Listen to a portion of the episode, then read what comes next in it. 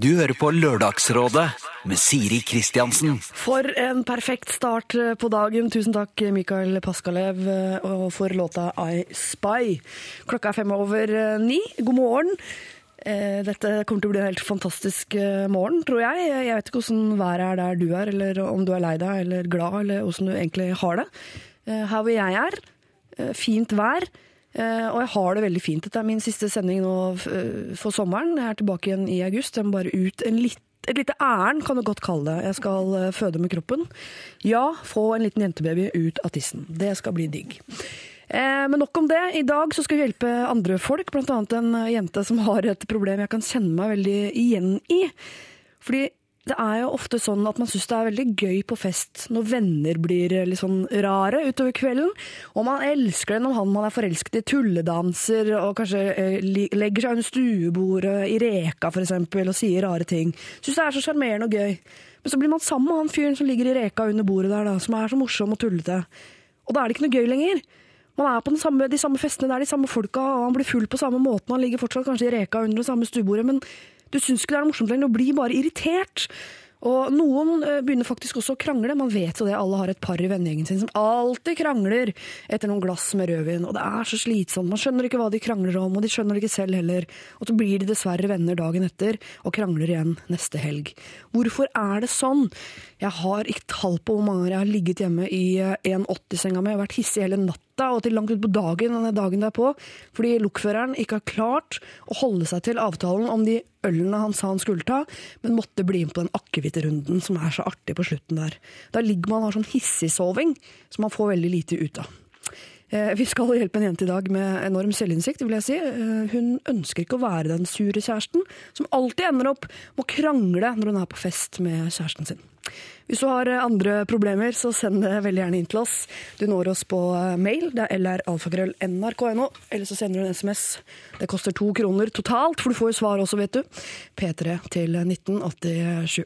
Her eh, hører du Røyksopp. Det er Eple. Lørdagsrådet Denne eplelåta til Røyksopp minner meg om en eh, periode i livet hvor jeg bodde i en leilighet hvor vi ikke hadde dusj, og vi hadde ikke do. Jeg bodde på stua bak en sånn blondeforheng, mens venninnen min bodde bak en eh, gipsvegg sammen med sin nye kjæreste. Og dette høres kanskje ikke sånn hyggelig ut, men jeg blir veldig godt humør av eple og Røyksopp allikevel. For det var en eh, fase i livet som var møkkete, bohem, romantisk, eh, singel og, og morsom, altså. Da veit du åssen det går med meg, men jeg syns det er så hyggelig jeg får vite hvordan det går eh, med deg, og med dere som vi har allerede hjulpet. Så for eksempel, huske om du husker, ja, men vi hadde en eh, 18-årig gutt som hadde jugd til læreren sin og sagt at han var forelsket i han. Altså Han hadde jugd på seg ikke bare at han var forelsket i læreren, han hadde også jugd på seg en eh, homofil side hos seg selv som han, eh, som han ikke har.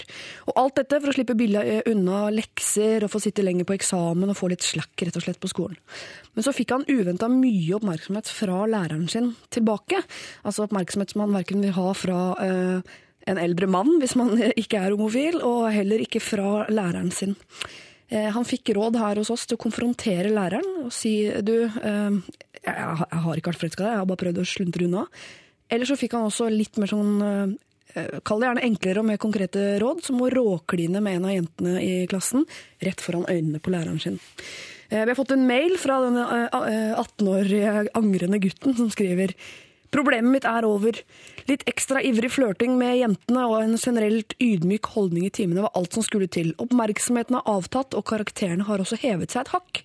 Tusen takk for hjelpen, kjære Lørdagsrådet. Eh, det er veldig fint. Og så er det veldig hyggelig når ting løser seg av seg selv også, fordi en som heter Andreas, han løste problemet sitt før han hadde helt rakk å få råd. For han lurte på hvordan han skulle kapre sin gode venninne og drømmedame, og rett og slett bli kjæreste med en venn, som jo det er mange av dere som lurer på hvordan man skal få til. Og så skrev han til oss her om dagen. Vi er kjærester allerede, jeg smiler fra øre til øre, eh, så nå kan noen andre slippe til i programmet deres. Så hvis du er en av de som vil slippe til i programmet vårt, nå som Andreas tydeligvis har det bra, da, eh, så er det plass til det. Hjerterom, og fysisk også plass tidsmessig. Petra kodeordet og nummeret er 1987, eller så sender du mail da til lralfakrøll.nrk.no. Vi skal høre eh, litt musikk her eh, i Lørdagsrådet nå, og så kommer rådgiverne. MIA og hennes Bad Girls har vi hørt, og før det også Jon Olav Nilsen og gjengen hans. Eh, Hull i himmelen. Rådgiverne, Dagens rådgiver er på plass i Lørdagsrådet. Jeg sier god morgen til en eh, trøtt Ken Vasenius Nilsen. God morgen, god morgen. Du ser veldig trøtt ut. Takk. Eh, Jeg har ikke gjort noe spesielt. Jeg har vært hjemme, så sto jeg opp, og så kom jeg hit. Og da ser jeg tydeligvis sånn her ut. Ja, men er det, for er det helg, så er kroppen innstilt på at eh, alt før tolv er egentlig Drar, uaktuelt. ja, ansiktet blir dratt nedover, rett og slett. Ja, det er ikke hovedproblemet akkurat nå. Det er mer, det er Hva er det som er hovedproblemet akkurat nå? Det er øynene det siste det har ramla på en Botox-sprøyte eller et eller annet. Men det er det altså det, det ikke, og det er hyggelig.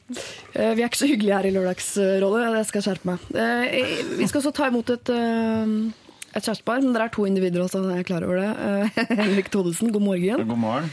Du ser veldig duggfrisk ut. Gjør jeg det? Ja. Fordi nå Jeg ble redd når Ken fikk den overhalingen der, så tenkte jeg du er også veldig trøtt, Henrik. Dette kommer ikke til å gå bra. Ja, men det er klart Når man bruker sminke og kremer og oppfører er seg som en jente, så Det går det jo ofte bra. Eh, Åsle Thorstvedt, velkommen hit. Hei, hei. Er du litt redd nå for at jeg Ja, ja. Det er Det er bare venting på å få min straff.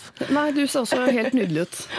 At det er så eh, utseendefokusert i radioen eh, blitt, det er litt... Det er jo veldig greit for dere to, men eh, for meg så er det jo noe jævla dritt. da.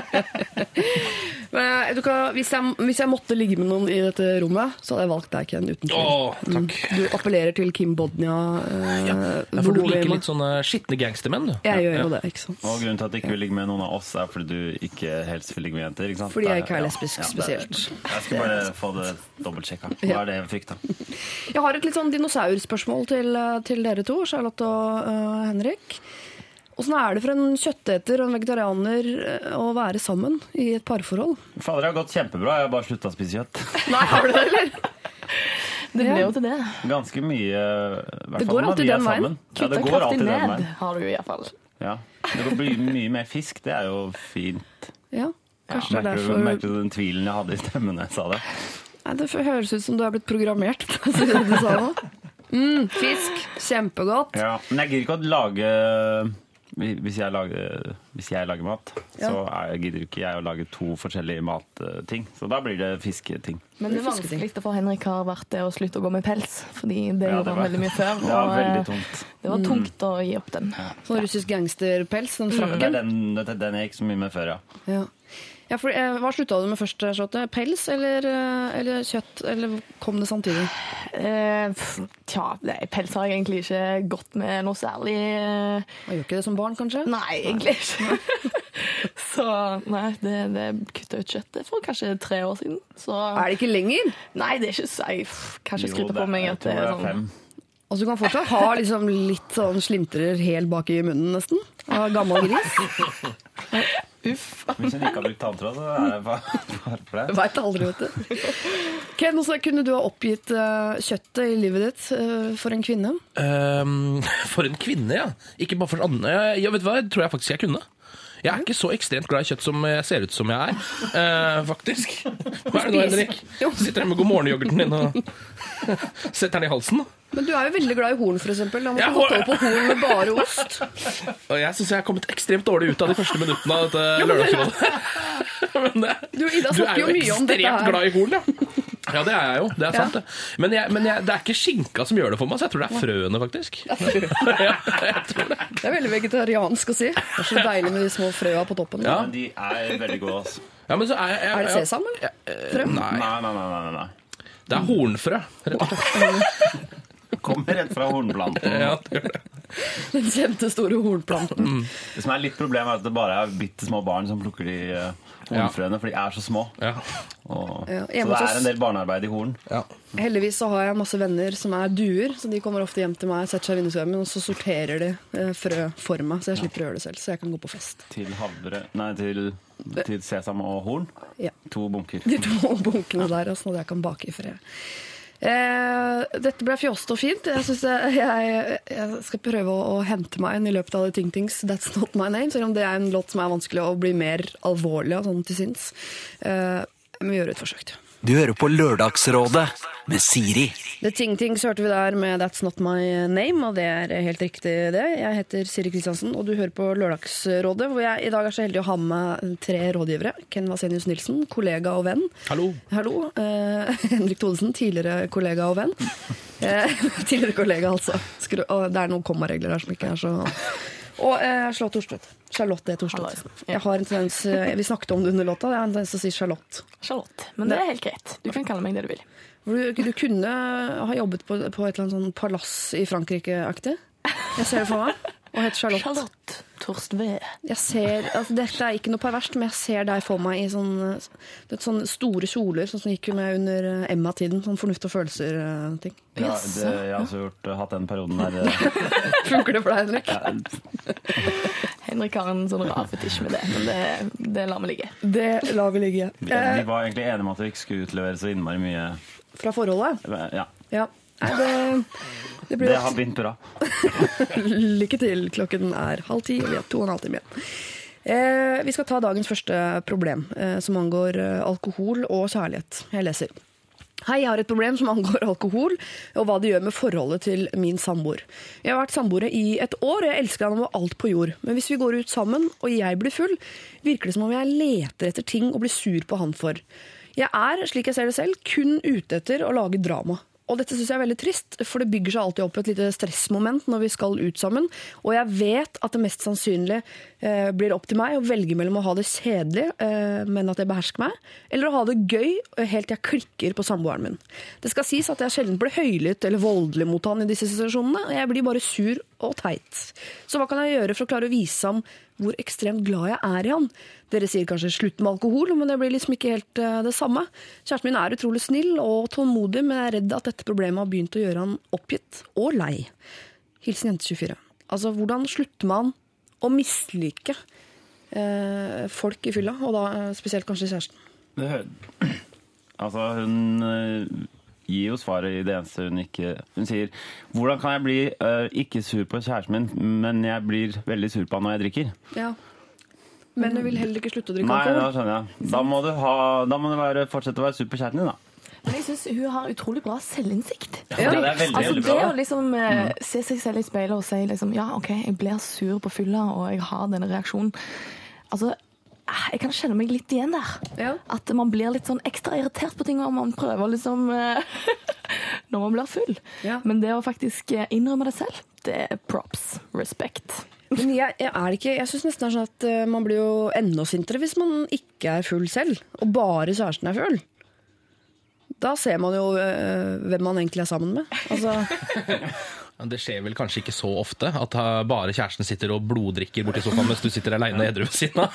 Heldigvis. nei, det skjer kanskje ikke så ofte. Jeg håper ikke vi kommer til det stadiet at en av oss må sitte og være dritfulle hele tida. Det, Ja, I dag kan du være drita. Men det er jo sikkert mange som har det sånn hvis eh, man eh, er sånn som må kjøre til fester og Ja, sånn, ja. Vi har ikke dette problemet i, i Inner City Life, er ikke, er ikke det et problem, men eh, Og skal ikke lenger enn opp eh, Hun bodde på Kjelsås. Var Nei, alltid ja, en som måtte kjøre bil. Og Ja, det er jo innafor ring, er rett utafor Ring 2. Da. ja.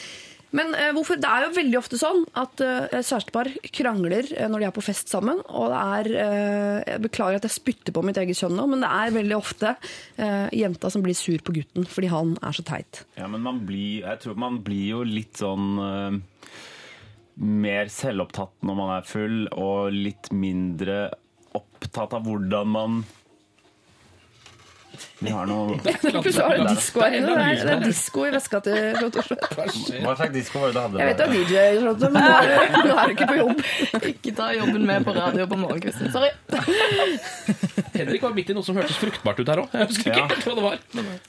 Husker du det selv? Um, Jeg hørte ikke etter det hele tatt. Jeg vet det. Ja, eh, jo, hva var det jeg sa? Man blir selvopptatt. Man blir litt selvopptatt, og man øh, øh, Jeg tror man mister litt det der filteret for liksom man mister, Det er jo derfor man ofte drikker, for å miste litt det der filteret på hva man sier og, og hva man gjør, og slipper seg litt øh, løs. Men det øh, De signalene kan jo tolkes litt øh, feil av øh, i hvert fall folk som kjenner deg godt øh, fra sånn hverdagslivet. Og da føler du sånn Dette er jo ikke deg. Nå må du skjerpe deg og være deg, være deg selv. Ja, men jeg er på fest for å drikke, for å ikke være meg selv. Jeg så tror man kan bli eh, litt sånn redd, fordi plutselig så kjenner man ikke igjen kjæresten sin. Eller man kan bli sjalu fordi han oppfører seg kanskje litt mer sånn mottagelig for ting, du, ja. for ting du ikke vil at han skal være mottagelig for. Er det derfor? Eller? Ja, eller altså, ja, Fulle folk er jo irriterende. Altså, jeg, jeg irriterer jo meg selv også når jeg er full. Skjønner, så det er ikke så rart at man irriterer seg over fulle folk, syns jeg. Men det er jo øh, Det som kanskje er et annet, en annen ting å tenke på, er jo at det paret her blir jo også voldsomt irriterende for andre.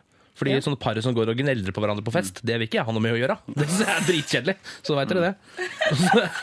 Og så skriver hun her at det skal sies at jeg sjeldent blir høylytt. Med andre ord så blir hun det av og til. Og hun blir sjeldent voldelig. Med andre ord så blir hun det voldelig. litt voldelig innimellom. Oi. Ja, for det der må man eh, sånn Altså Alle blir jo litt sånn sur, men hvis sånn skriking på fest og slå hverandre på fest, Ja. da, da må noen sette ned foten. Ja, virkelig. Men hva skulle hun, hvis, hvis vi utelukker altså Hun har ikke tenkt til å bli avholds. Og hun vil fortsette å øh, gå på fest sammen med kjæresten sin. Hun må bare slutte å irritere seg over Jeg har et forslag. Ja. Ok, Neste gang dere går på fest, kan dere ikke filme hele opplegget. Eller iallfall ta lydopptak av hele kvelden. liksom. Ja. Så neste dag så setter man seg ned ved frokostbordet, går gjennom dette her. Så har man liksom Da vet man hele tiden at dette skal man liksom gå gjennom neste dag. Og kanskje man da passer litt mer på hva man sier. Og kanskje slår litt mindre og skriker litt mindre, og kanskje løser seg da. Hvis man har sett det der en gang, så tror jeg man blir avholds, jeg, faktisk. Så da tror jeg ikke det er noe problem en gang i framtiden. Det var det der som fikk meg til å slutte å spille basket. Jeg var på basketskole i romjula i Asker. Noen filma når jeg skulle løpe inn mot eh, kurven. Og så skulle vi se på dette for å se om det var riktig eller galt. Og tenkte jeg det der skal ikke jeg gjøre igjen. I verste fall det som skjer nå, er at eh, de slutter å drikke, og det blir slutt mellom de to. Og, Det er det verste og de ditcher alle vennene sine. Hva er det jeg holdt på med? Men du, det er et veldig godt forslag. De burde uh, ta opp lyd eller film av seg selv. fordi hun har jo tydeligvis selvinnsikt sånn på en onsdag, men kanskje hun rett og slett ikke har det i helgen. Ikke sant? For det er ofte det, det er det jeg sier. Jeg er så imponert over denne selvinnsikten hennes. Fordi vanligvis er det jo sånn Å, ikke vær så sur, da. Så er det sånn Nei, jeg er ikke sur!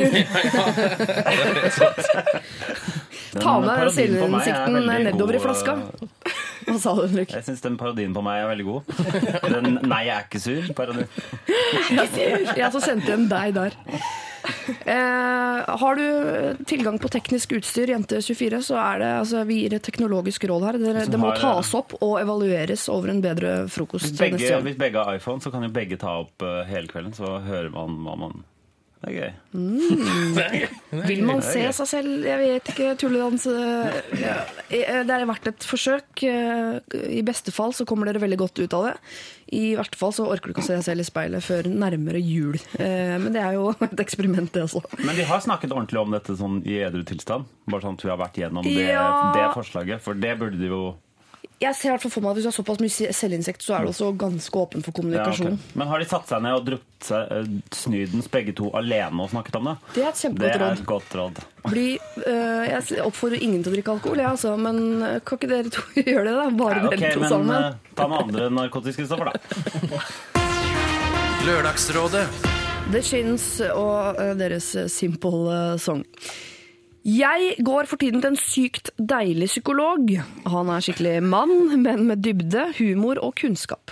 Jeg vet vel egentlig at de ikke skal engasjere seg i pasientene sine på den måten, men er det totalt forbudt, eller kan jeg be han ut på middag etter endt behandling?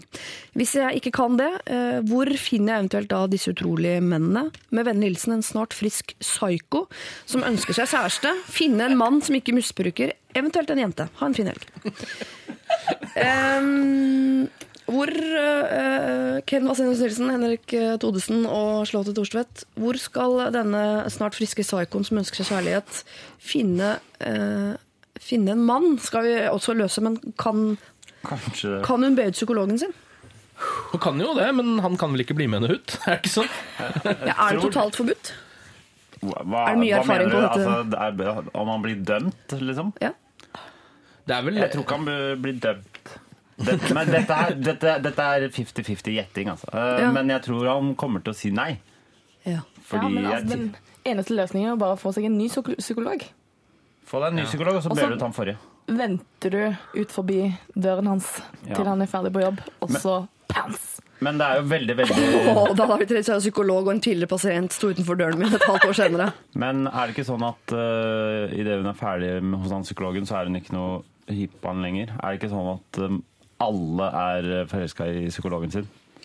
Fordi Jo. de knekker, knekker koden på deg uh, så innmari, og så, og så blir man forelska. Ja, det er ikke mer enn en uke siden vi her i Lørdagsrådet hadde en jente som har blitt sammen med en gutt som har støttet henne gjennom et vanskelig år. Og når hun var frisk på andre siden, så trengte hun han ikke lenger og hadde lyst på eh, nytt, friskt blod inn i Det er derfor jeg har slutta å støtte. Jeg har slutta helt med det, fordi det kommer man ikke noe vei med. Altså. Det, man tenker at det er en investering, men det er det ikke. altså. Ja, Så du eh, fjerner skulderen når jentene kommer ja, gråtende. ja. Da bare vipper jeg skulderen unna, så faller de rett i bakken. det er det jeg gjør. Men det er jo, eh, som du sier, Slotte, ikke nødvendigvis bare psykologer, men man er jo Hvis man går til fysioterapeut eller man har personlig trener, så blir man ofte forelsket. fordi dette her, eh, Du møter en mann som han stiller bare spørsmål. Han er bare opptatt av deg og din kropp, at du skal ha det bra. Han tar på deg, han er hyggelig. Han er ofte veldig ren og velstelt, og du trenger ikke å gi noe tilbake. Da blir man jo litt forelsket. Men er det forelskelse? Tja, spør du meg. Jeg spør egentlig alle, men eh, Ja, ikke det, sånn, men det er, sånn, det er sånn Jeg blir jo alltid forelska i frisøren min. Eh, nesten hver altså, det, det samme hvem det er. Det er Jeg har ikke én fast frisør som er Ja, det er hodebunnsmassasjen. og- Ja. Og vasking av hår generelt syns jeg er helt nydelig. Så det er, men det er jo sånn eh, frisørcrush. Det går jo over eh, når man går ut av kjøpesenteret etterpå. Men når man Ja, hadde vært kjøpesenter. Men eh, er det fordi det, man, det er ingen kjærester som vasker hår på hverandre? Nei, det er jo ikke det. Er det derfor er det litt sånn derre en slags sånn forbudt sone som bare frisøren din får lov til å ha en sånn liten Ja. pakt med Ja, men det, er på måte, der, det ligger noe der, liksom. ja, det er et eller annet spennende med det. Samtidig som du, du vet på en måte at denne personen må bort og ta mye på deg. Men eh, samtidig så er det liksom en profesjonell greie. Skjønner du? Det er, sånn, eh, det er spennende. Ja, ellers er det jo en enorm sånn omsorg. Det er jo det. Her, du får omsorg av et annet menneske, men man skal jo vite at det er ingen fysioterapeut for eksempel, som masserer kona si etter jobben. Og jeg tror også at psykologer de snakker ikke med konene sine. De er så drittlei av å høre om Jeg tror hvis du er psykolog og hele dagen ligger og hørt på problemet, så kommer de og så er kona sånn 'Jeg er så sliten', jeg. Så er det sånn, hold tåta, liksom. Ring en psykolog eller noe. Ja, men Det tror jeg nok stemmer. Jeg kan... Men tro, jeg tror jo øh, psykologer blir eh, spurt mye ut av øh, pasientene sine. Kjærlig hvis de er kjekke. Ja. Tror du ikke det? Det tror jeg, det tror jeg de har et sånn autofilter på, nærmest. Han har sikkert et standardisert svar, tipper jeg, på sånn brevpapir med stempel. Og det er sikkert noe sånn eh, Skjønner at du kan føle den for deg, men eh, det er eh, veldig profesjonelt av meg. Det er Jens Stoltenberg faktisk som er denne psykologen. Lest inn på bånd. Jeg tipper de ikke engang har svar. Han har bare nye smarte spørsmål som hun svarer på selv. Nei, det kan jo ikke du, nei. Det, ja, så derfor bør hun stille det spørsmålet, fordi da får hun løst et annet problem i livet sitt. Og på vei til å bli ikke psycho. Eller i verste fall så tenker han oi, du er ikke helt frisk, nei. Vi- tar et år til, vi, på benken. Ja, ja, men da, For det der må vi rydde opp i. Dette er jo en eh, Ikke en vinn-vinn, men eh, vinn for den ene. eh, Om at blir, enten blir han frisk, eller så blir han rik. Ja. Begge i denne Vi skulle kanskje ikke hjelpe han psykologen. Han har sikkert bra nok Han har ikke sendt mail foreløpig, det skal sies. Men altså, ok, vi, det virker som vi er ganske enige om at hun skal ikke be ut han. Det blir ikke de to. Det blir ikke deg psykologen. Du er egentlig ikke forelsket, og han kan ikke gå ut med deg. Men, det, det Men hvor kan- skal vi finne en sånn type mann, da? Hvor er disse folka? Ken, hvor går du ut i helgen, for eksempel? Oi, uh, hvor er det jeg går ut i helgen? Vet du hva, Jeg blir jo nesten alltid hjemme, jeg. Egentlig. Så kom til meg. Der er det fint. Hvor skal man finne ordentlige menn? Hvor fant du Henrik, for eksempel? Charlotte? Ja, hvor var det vi møttes, egentlig? Adultfinder.com. Ja, Men weben, altså. Skal ikke le av weben. Det Nei, er, men det er det er det nye markedet. Vi ler ikke av web. Ja, ja. Har, du vært, eh, har dere vært innom webmarkedet? Jeg har ikke prøvd det. Du har ikke Jeg det? har ikke det, men jeg skal, jeg, jeg, Kan ikke du gjøre vet du hva, det, Nå er jeg snart- snart ja. på nippet til å gjøre det. Ja, ja. Altså, du skjønner, eh, Jeg har bygd opp såpass over såpass lang tid nå at nå er det snart bare å gå inn på weben. Gjør- Jeg har gjort det en gang, men jeg sa, dette er første jeg innrømmer. Jeg sa til alle venninnene mine at jeg hadde vært på blind date, men det var en fyr jeg hadde møtt på nett. Men det var en periode av livet hvor jeg hadde en fetisjer på menn som hadde skavanker. jeg syns det var så fint folk som hadde et eller annet noe, altså, fysisk trøbbel. Eh, Men sånn i praksis så viste det seg at jeg tente ikke så innmari på det likevel. Okay. Så vi, vi, vet, vi har ikke så godt Så jeg skrøt av at jeg skulle på en Carpe Diem-konsert, og så gikk jeg etter tre kvarter. Okay. Det var eh, min erfaring med nett. Så ingen har så mye netterfaring, så vi kan egentlig ikke anbefale så godt. Men jeg ser at det funker for en del folk, så hva med å prøve det? Hva, Prøv internett. Men uh, hvor, hvordan treffer man bra folk? Å snakke med mest mulig folk. Være Ja. åpen, rett og slett. Det står vel oppgitt yrke når man er på weben på webdater nå, så da kan man jo bare peile seg inn på psykolog. Gå til psykologen, da. Ja. Hvis det er en psykolog du vil ha, eh, så, er det, så anbefaler jeg internett, Men jeg, jeg tror ikke det er at det nødvendigvis var psykologen hun ville ha, men hun ville ha sånn fyr. Jeg har en fyr som så- bare er opptatt av deg og ikke seg selv i Ja, det hele det- får hun ikke. Selvoppofrende. Ja, Det får hun ikke. Å nei, de fins, de. Ja, Det Bare, bare. Men Stikk ned på Oslo S og uh, se deg ut folk i sånn NSB-kostyme. Ja, de fins, men de er stort sett på jobb. Altså, psykolog er jo opptatt av deg, men det er jo bare når han er på jobb. Med en gang klokka er etter fire, så driter han jo i deg. Ja, det er sant, det. Uff, dette var vanskelig, men du, kjære deg, du ønsker oss en god helg, og det gjør jeg eh, tilbake også. Eh, Det vi vel har kommet fram til, er at du kan du ikke snakke med han psykologen om det? At du har følt det? Ja, det kan du gjøre. Ikke be ut han. Nei, men si ikke at forvente at dere blir sammen, men spør han. Hvor treffer jeg folk som deg? For hans, eh, du betaler jo han for å gi deg råd. Men du, jeg, jeg tror du også kan si jeg øh, føler at jeg føler noe for deg. Eller så Eh, bare sier man 'jeg har en venninne' som eh, går til en psykolog. Og eh, hun, hun har ganske hete følelser for ja. psykologen. Men så hva burde jeg gjøre med det? Og så kan, altså Det er jo en veldig fin sånn inngangsmåte. Og hvis ikke han ser gjennom det, eh, så har du brukt altfor mye penger på feil psykolog. da er han ikke av det smarteste. Kan jeg bare ta opp en liten ting? For jeg Ja. har en venn som uh, har lyst til å bruke sånn gassmaske med sånn dildo til nese øh, på kjæresten sin, men ikke vet hvordan han skal Legge det fram. legge det fram. Uh, Er det noen av dere som har noe? Du kan ta en runde på det. Charlotte? uh, Jeg ville fyre- Send det inn eh, med kodeord P3 til 1987, Henrik, så tar vi en runde på det før eh, klokka tolv. Eh, Men nå til en annen mann som jeg tror deler de samme tankene. Bernhoft og hans choices.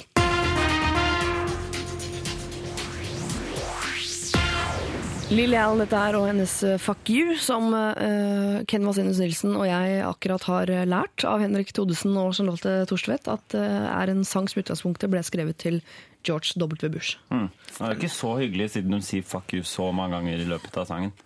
Uh, Men jeg Så vi har resonnert oss frem til at hun ikke liker han. Godt resonnert. Ja, ja. Smarte folk som er med i Tusen. Lørdagsrådet i dag. Nå skal dere holde tåta et lite øyeblikk, eh, alle tre. Fordi jeg skal eh, snakke med Ole. God morgen, Ole. Hallo. Du er med oss på telefonen på vei til, eh, til fjells, eller? Oh, nei, nei. Nå er jeg hjemme. Nå er du hjemme? Bakfull Og jævlig. Hva sa du? Du har det jævlig? Bakfull og jævlig. Bakfull og jævlig, ja. Men. Hyttetur neste helg. Neste helg skal du på en hyttetur eh, til en familiehytte i din familie. Eh, ja, det er et hus, men det er ingen som bruker det. Så vi kaller det bare for hytte. Kaller det bare for hytte. Ja. Hva er problemet? Jo, det er jeg og fire andre som skal på hyttetur. Mm. Eh, og det blir sikkert koselig, det. Men en av oss er veldig flink til å ødelegge ting. Mm. Og har jo klart å ødelegge et vindu, et tosete og et bord før. Så det er ikke helt utenkelig at det skjer igjen. Eh, Du sier hun er en dame? Det, ja, ja. Hun er en dame. Hun er en dame. Hva driver hun med? Er, hun, altså, er det dansing, eller er hun bare klumsete? Eller? Ja, nei, jeg tror hun bare er klumsete. I hvert fall når hun, er, når hun har drikke. Ja. Så Men du, jeg tror ikke hun vil det med vilje, liksom. Men hun er ikke ond? nei. Men, men, vil du ikke ha henne med, eller vil du Jo, jo. Jeg vil gjerne ha henne med. Jeg skulle bare ønske at hun eh, holdt seg ganske stille. Men jeg kan ikke tvinge henne til det. Nei. Det fins jo eh, sånn hundebur, eksempel. Ja, men det er litt stress å få inn dit da, hver eneste kveld. Legg en cupcake i enden der, så det er helt utrolig hva jenter kryper inn i. altså. Men eh, det, eh, det må jo nevnes at du er jusstudent, eh, Ole. Ja. Ja. Så du er, du er vel litt fysen på å sette på en kontrakt eller noe sånt i forkant, du da? ja, veldig fysen på det. Veldig fysen på det. den venninne meg sier jo, gjør det, Ole. Gjør det. Ja. Uh, men jeg tror kanskje at det vil virke som jeg blir litt for ivrig ja. for det andre. Men samtidig så er jeg ganske ivrig. Du høres ikke så ivrig ut nå, men det kan ha noe med den bakfulle delen av deg å gjøre. Ja, ja. Ja, ja. Ellers er jeg en veldig sprudlende og ivrig person. Ja. Vet du hva, Ole? Eh, vi tar en runde på det her i rådet. For det du også trenger eh, råd på, er om, eh, om du kan sette opp en kontrakt, eller hvordan du i det hele tatt kan være liksom føre var på, på denne dama som har en tendens til å ødelegge ting. Ikke sant? Ja. tar- eh, hold linja, så snakkes vi om litt, OK? OK. Eh, rådet, eh, Ken Henrik eh, Charlotte. Hvordan kan, er det noe han kan gjøre på forhånd før han drar på denne hytta, for å sørge for at eh, A. Noe ikke blir ødelagt, eller B. Hvis det blir ødelagt, så, så er det en eller annen ordning i bånn. Først vil jeg bare si at alle vennegjenger har jo denne fyren her. Ja. Jeg, er jo, jeg har jo denne vennen her, jeg òg. Ja. Hei, hei, Martin. Og um, det, er- det, er, det bare er sånn. Og det er jo ikke noe å gjøre med det. Fordi Nei, hvis, men- hvis det blir ødelagt noe dyrt, for Ja, jeg, jeg vet det, men ehm, Altså det, altså det er jo en, en ting å liksom legge vekk sånn, ting Ja. som kan knuses, og sette Ja. vekk liksom ting som er spesielt utsatt for å gå i stykker. Men det å liksom eh, faktisk ødelegge et helt bord, det skjønner jeg ikke helt. Hvis man er begynner, å rydde bort ruter, eh, bord og doseter, da føler jeg da er vi Nei, nede på et litt vel. Da må Ja. vi feste på ja, det, går, det går ikke. Eh, det er jo Men det er klumseaspektet. Man må jo bare få snakke litt om det. Det er eh, Hjelper det? Nei, det er lov å tøyse om, om det. eh, Ja. Og si sånn Vi skal på hyttetur, og da må vi lage en pott hvor alle legger inn eh, 250 kroner hver, fordi ja. Silje, eller hva hun heter, skal være med. Ja. Uh, og hvis noe knuser, så må vi bare bruke det. Men hvis hun eh, av en eller annen merkelig grunn klarer å ikke knuse noe, så kan vi gå ut og, og spise for de pengene. nå, eh, Vet du hva, Det synes jeg faktisk var et kjempebra forslag. Er ikke det syns ikke det var så dumt. Men Hvis- Per, og Pål og Espen, da, som også skal være med på denne hytta antageligvis, ja. og vet at det er eh, Silje gjengen som ødelegger alt, og så må alle betale 250 kroner, sånn at hun kan eh, Ja, men Hoppe rundt der som en sjimpanse. syns eh, Da må de, eh, Hvis de ikke syns vennen er verdt 250 kroner, så må du revurdere Ja. vennskapet, da. Det her er- hva, hva, hva setter man høyest? Tingene sine eller eh, vennene sine? Og hvis det er tingene, så Det sier veldig mye om tingene, men også litt om vennene og deg selv. Det er en klassisk sånn high maintenance-venn. Man må liksom passe på litt ekstra når man har den personen i området. Sånn er det bare. Det er ikke noe å gjøre med det. Men Ole sitt eget forslag, da, det kom jo, eh, altså han er jo jusstudent, eh, om å sette opp en kontrakt. Ja, og, å sette opp en kontrakt er litt sånn den litt sånn strenge versjonen av det å lage en pott. Ja. Mm. Så pott Og- er litt bedre, egentlig. Ja. Uh, Pott er bedre. pott er bedre. Jeg må si pott er bedre, Henrik. Det er ikke lov å si. Eh, men og jeg syns heller jeg, synes, jeg er jo ikke helt fan av de som uh, har lyst til å sette opp kontrakt. Det er alltid noen som blir sure for Ja. han som skal drive og sette opp kontrakter hele tiden. Det er jo et annet irritasjonsmoment for noen. Ja, for det er ikke sikkert Ole kommer så heldig ut av å Nei, sette på en mener. kontrakt. Er det mener. jeg. For det er sånn man ikke gjør når man er samboer engang, fordi det virker så kleint. Eller, altså, Men han tar jo selvfølgelig en byrde for de andre, da, hvis han er den som fikser med dette med kontrakt og sånn. Da er det han den eneste som, som på en måte som vennen syns er litt kjip. Og så de andre er jo, kommer jo unna. Hvis noen hadde bedt meg om å dra på hyttetur, men du må skrive kontrakt først, da hadde jeg heller bare sagt vet du hva, da gidder jeg ikke å komme på hytta. okay. okay. Men Så kontrakt der, ja. Uh, Charlotte, uh, vi skal på hyttetur nå, men du pleier å ødelegge masse ting, så vi må betale, alle må betale 250 kroner hver. Fordi Du. enten du, Du må eller ikke si fra om det. Det må du bare holde hemmelig. Ok, så skal man, si, skal man si fra til alle, bortsett fra den personen det gjelder? Ja. Oh, ja. og så hun skal ikke betale selv, Altså, det var hun- alle de andre. Men vet, denne personen vet jo stort sett at man er klumsete, gjør man ikke Ja. det? Klumsete folk er litt sånn derre ja. de, Gjør man ikke det? Eller det vet jeg ikke. Kanskje jeg er en av klumsete? Oi! Oh. Men det sier noe om henne, tenker jeg. For hvis Ole er der at han vurderer å sette på en kontrakt, så forteller det meg om denne jenta at hun er sånn uh, Hun har ødelagt et bord, og jeg klarer det. Så hun sånn Ja, men uh, jeg kan ikke erstatte det. Vis meg den kontrakten, da. Jeg har ikke skrevet under på noen ting. Jeg skjønner hva jeg. At den kontrakten burde ikke altså, Kontrakten seg selv er vel vennskapskontrakten man aldri har skrevet. Altså, vi er venner, du har ødelagt noe hjemme hos meg som er dyrt. Kan du være med og erstatte det på en eller annen måte? Hvis en da slår bordet med sånn Nei, det har ikke jeg skrevet under på. Så blir du jo ikke invitert på hyttetur igjen, tenker jeg. Hva, hva skal vi be Ole si til denne Silje, som vi har døpt henne? Vi må, eh, først må Det jeg lurer litt på, er hvor eh, selvbevisst hun er på at hun er sånn, eh, sånn klumse. Ja. Fordi jeg tror noen gjenger er veld, veldig flinke på å si fra om hvem som er klumsa hele tiden. Og da vet de det godt, og da er det liksom bare akseptert. Men hvis det er sånn at alle er sånn det er sånn at unnskyld, jeg er veldig klumsete. Men vil ikke si det til henne. Kan du Det er vel viktig å bare få det ut der, er det ikke det? Altså, snak- Ja, liksom, det. Få det ut der og kødde med det ganske tidlig, Fordi da er det lettere ved neste hyttetur Ja. å ha det litt sånn åpent at ja, dere vet jo at Silje skal være med. Å nei, å nei. Så kan man sette i gang den joviale latteren, og så kjører man opp sammen og knuser hele dritten. Jeg skal høre med Ole. Ole, Ja. du har ikke sovna? Du har. Jeg har ikke sovna. Du har noen uker på deg før du drar på hyttetur til eh, å gjøre følgende. Lage en eh, pott med penger der alle spytter 250 kroner, som man må være villig til å eh, at da går til å erstatte ting. Eventuelt en felles middag i etterkant hvis, hvis denne dama opp, eh, ikke oppfører seg som en sjimpanse. Ja. Eh, eller så må dere begynne allerede nå med en jovial tone hvor dere får opp liksom, dialogen rundt dette med at hun er klumsete. Ja, men det er det allerede. Alle er klar over at uh, Silje, som du kan kalle henne, Mm. er veldig klumsete. Og hun er klar over det selv. Ja, ja. Men har hun aldri foreslått sånn Oi, skal jeg erstatte det bordet, kanskje? Nei, hun foreslår aldri det. Hun foreslår aldri det. Men kunne det falle deg inn å, foreslå det muntlig istedenfor skriftlig, sånn i første omgang? Uh, ja, det kan gå. Hvis Er det ikke, nå er det du som studerer juss. Hva sa du? Det er jo du som studerer juss, men er det ikke sånn at en muntlig avtale er verdt vel så mye som den skriftlige? Jo, men det er enklere å bevise skriftlig. Hva? Det var en veldig eh, profesjonell tilnærming til dette vennskapet.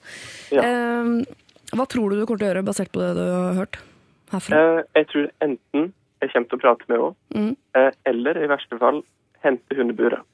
Hente hundeburet. Ikke glem den lille cupcaken da, som må plassere helt inn i hjørnet der. Ja, den skal jeg huske. Lykke til, Ole. Eh, og på andre sida av påske så håper jeg at du eh, forteller oss hvordan eh, det gikk. Om det ble en hyttetur med bur, med knusing, med pott, eller altså hvordan denne hytteturen gikk for seg.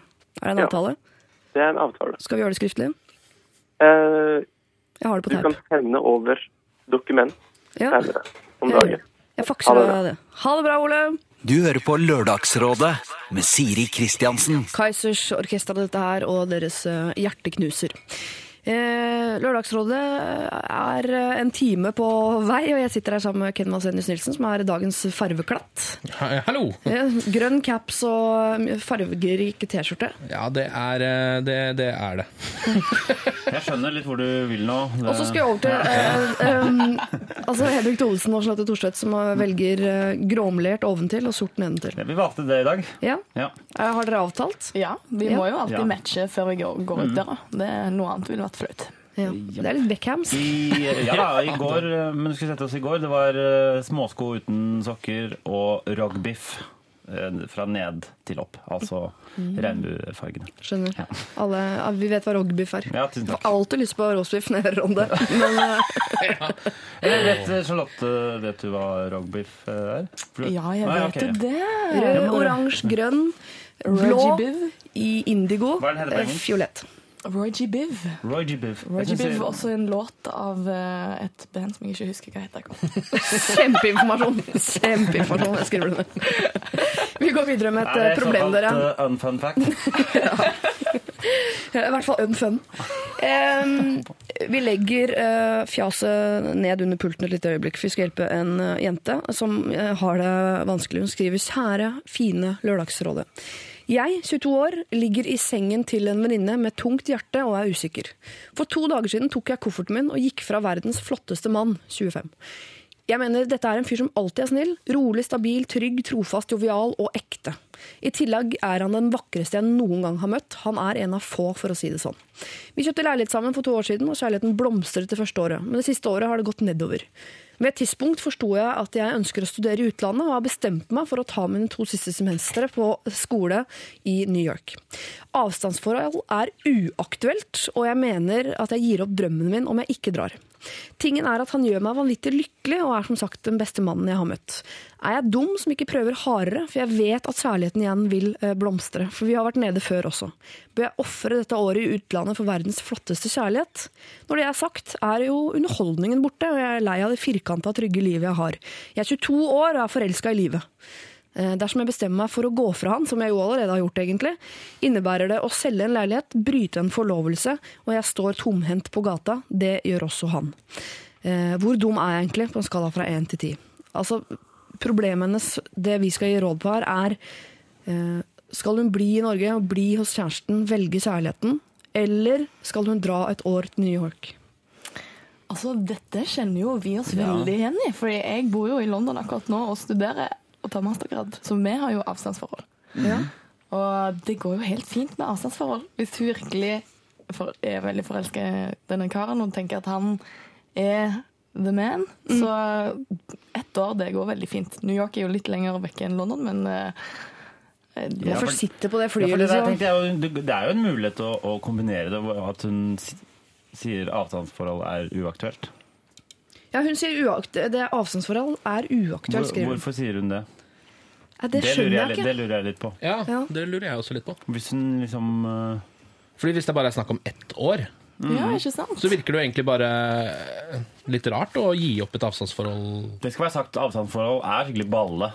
Det er det. Ja. Men uh, det går Men det går, jeg, jeg har alltid vært veldig sånn motstander av, av avstandsforhold. Ja, hvorfor var du det? Bare fordi det er balle, som Henrik sier. Det er jo ikke noe gøy. Men eh, altså, hvis det handler om å liksom enten bare eh, Altså, hun må jo gi opp så mye og eh, selge synes- leiligheten. Ja. Og, og hvis hun føler at dette er mannen i hennes liv, så hvorfor kan man ikke bare gjøre begge deler? Ja. tenker jeg. Jeg syns ikke hun skal gi opp den øh, New York-greia. Nei. Nei. Og hva er det han driver med? Han er bare 25. Kanskje han bare blir med til New York, da? Kan ikke han bli med til New York? Jo, men er ikke det hvis man skal ut et år, oppleve noe altså, ha, Da vil man jo ikke ha med seg den bagasjen en kjæreste jo Nei, okay, faktisk men da, er. Det det høres ut som hun egentlig har lyst til, er å si sånn Vet du hva, jeg skal stikke til New York et år, og jeg har lyst til å gjøre det på egen hånd og ikke være sammen med deg, men jeg har kanskje lyst til å være sammen med deg når jeg kommer tilbake. Ja. Det er det hun sier, og det, det går ikke helt. Nei, for Det virker litt pose og sekk, dette her. Jeg har møtt Ja. verdens beste fyr, men jeg vil gjøre noe annet først som er gøy. Eh, jeg synes egentlig Når hun sier ikke avstandsforhold, så er det fordi det virker som hun nærmest vil at vi skal ta valget for henne. Eh, ja, noen ganger så er det faktisk riktig å gå fra verdens beste fyr. Ja. Det er vanskelig. Hun er 22 år gammel, liksom, og da har man lyst å dra ut i verden og oppleve ting. Og Det er liksom det klassiske dilemmaet. Det virker som hun, altså det virker som hun er det hun har mest lyst til fordi hun har bestemt seg for det. Men hvis hun uh, fortsatt uh, har masse følelser for han, så skjønner jeg at det, idet du tar det valget, at du får litt eh, vonde etterdønninger etter det, det ville du jo fått uansett. Ja, Er det ikke uansett alltid kjipt å gå fra hverandre? Med mindre er- man blir uvenner og går fra hverandre, så vil Ja, man jo ofte ganske- ha er varme tanker om eh, den man dumper. Det er ofte kjipt selv om du er uvenner også, skjønner du. Ja, Det er nesten alltid kjipt eh, hvordan det enn eh, foregår. ja. Så hun Altså, det der um, Uansett så tror jeg hun har, vil ha litt sånn der problem med å dra til New York kanskje i utgangspunktet, selv om hun kanskje ikke hadde hatt kjæreste. For hun må jo liksom forlate hele hele landet sitt og alle vennene sine og alt det der. Så det er jo litt sånn skummelt i utgangspunktet å dra til New York et helt år. ja. Forlater noe veldig trygt. En Forlater leilighet, en Mm, forlovelse. Forlate liksom alt, Ja. egentlig. Så det er jo skummelt uansett. Men det virker som hun har veldig lyst til det. Så jeg syns hun skal gjøre det. Men øh, hun kan jo vurdere det om hun kanskje rett og slett skal prøve å få til både New York og han fyren.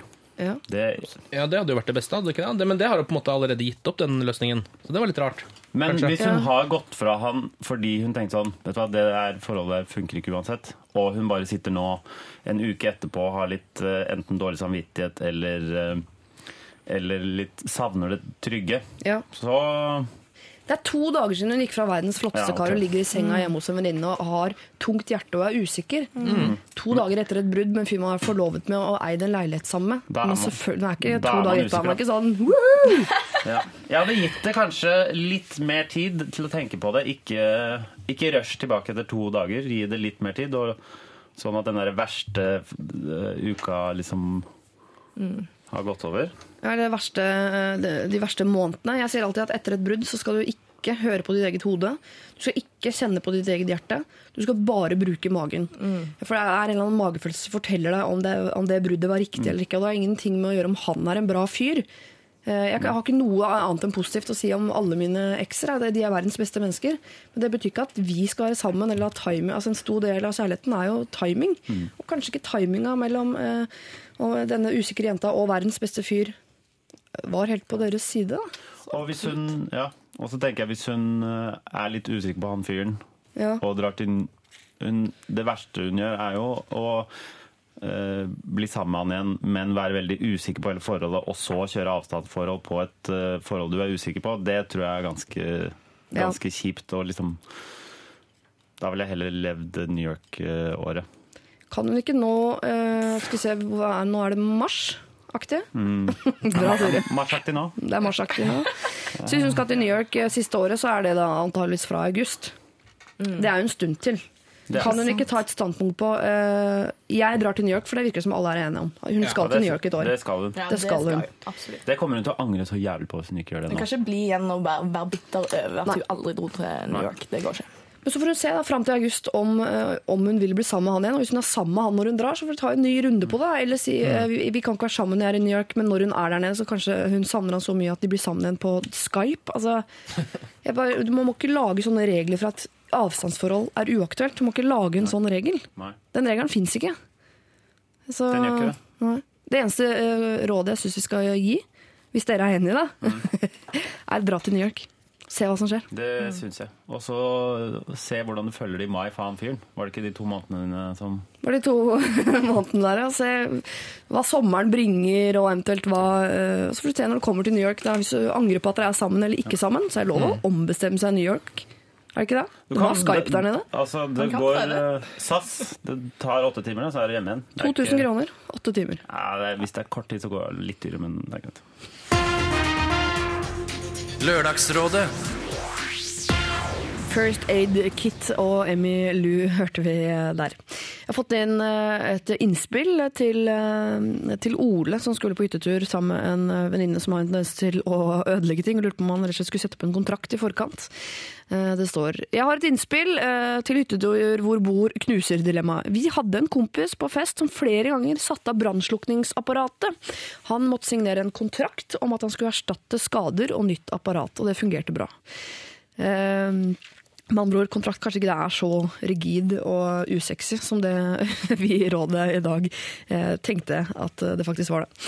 Og så har jeg kommet inn eh, tips til deg, eh, jente som har interesse å klikke i fylla på kjæresten din. Det er en her som har vært i samme situasjon, som gir rådet at du rett og slett skal kutte ut spriten. Det er mindre klikkfare i vin og øl. Og i tillegg så sier hun at du må finne ut hva som ligger under. Jeg trodde at ikke det var problemer i forholdet, men det var det. Det hjertet er øh, fylt av, renner ut av munnen når du er på fylla. Lykke til, hilsen kvinne på 28. Eh, og så vil jeg bare ta med Weird Guy, som har sendt inn Jeg har et problem. Jeg har lyst til å gi alle en stor klem. Jeg ønsker deg en god helg. Kan du hjelpe meg? Eh, fysisk nei, jeg kan ikke det. Ikke begynn å klemme folk på gata. Det er det rådet jeg kan gi, men heller eh, ta med det smilet som ligger bak den meldingen, ut i samfunnet. Det kan funke. Så er det en litt lang oppdatering her. eh, og Jeg må først si hva problemet var til dere som kanskje ikke hørte den sendingen. Shame on you. Eh, Det er en eh, kvinne og en mann som er sammen, men eksen til denne mannen eh, blandet seg veldig inn i dette forholdet. Hun nektet å gi slipp på mannen sin.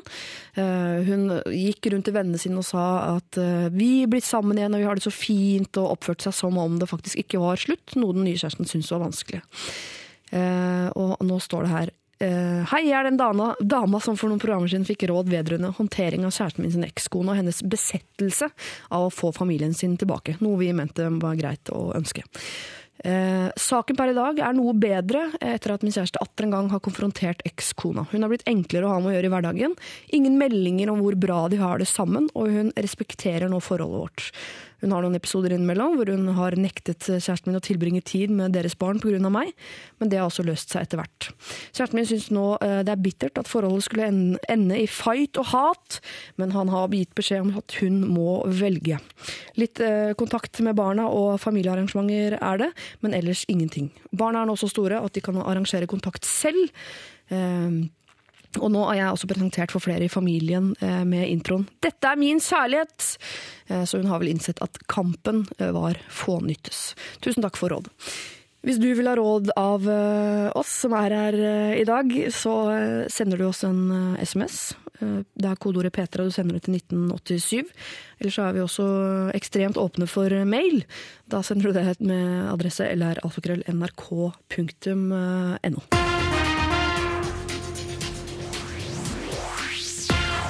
Susanne Sundfør og hennes White eh, Foxes, og før det Eminem Not Afraid. Uh, var det du sa, Charlotte Thorstvedt At Eminem var Ja, en av Lana Del Rey sine største inspirasjonskilder, faktisk. Hvem skulle trodd det? De er jo ikke så veldig like i stilarten akkurat, men Nei, men Da snakker vi ikke klesmessig. Nei. Nei. Nei, men snakker sånn tekstmessig, faktisk. Har jeg lest. Så det var fun fact of the day nummer to. Jeg gleder meg til den lista er på 15. Nå skal vi eh, trykke den opp på servietter og begynne å selge. Eh, vi har fått inn noen spørsmål til eh, dagens rådgivere, som jo er deg, eh, Charlotte, og Henrik Thodesen og Ken Vasenius Nilsen. Eh, er det noen som er fysende på å begynne? Henrik er keen. Henrik er keen. Ok. Da har jeg eh, merka et eh, her til deg, Henrik, som jo eh, gjorde at det dukket opp mange spørsmål i mitt hode, egentlig. Eh, Syns du det er ok å være et homseikon, står det her. Det var ikke jeg klar over at du var. Er du det? Var det ikke det? Var du klar over det selv? At det var, ikon var ikke Men det er et kompliment, er det ikke det? Jeg tar det som et kompliment. Jeg, Ja. jeg syns det, er- det er veldig hyggelig. Det betyr jo bare at man er liksom vakrere Jeg mener at det er de peneste guttene som er det. Som er sånn For jenter er penere enn gutter, la oss bare være enige om det. Det er liksom Henrik Thodesen, Madonna og Lady Gaga som er de største homseikonene som homsene ser opp til eh, den dag i dag. Svenskeprinsen òg, mener jeg. Svenskeprinsen. Svenskeprinsen. Orlando Bloom, kanskje. Ikke. Svar, da. Ja, ja eh, hvordan jeg ser på det? Ja. Eh, det er nære. Var det feil? Jeg spør bare om du syns det er ok. Du trenger ikke å dra det opp til nye høyder. ja. Du, det syns jeg er helt eh, ok. Det er veldig hyggelig, det. Ja. Fordi jeg må ikke Nei, ja, nei, ja det går fint. Ja, men vil du utfylle? Nei, jeg trenger ikke å utfylle det. Jeg, det, det, Det er et ja-nei-spørsmål, men det er lov å småke på med ting etter komma der. Jeg syns det er ok. Jeg synes det er bra. Jeg syns det er ok. Nei, Spørsmålet var syns du det er ok. Ja.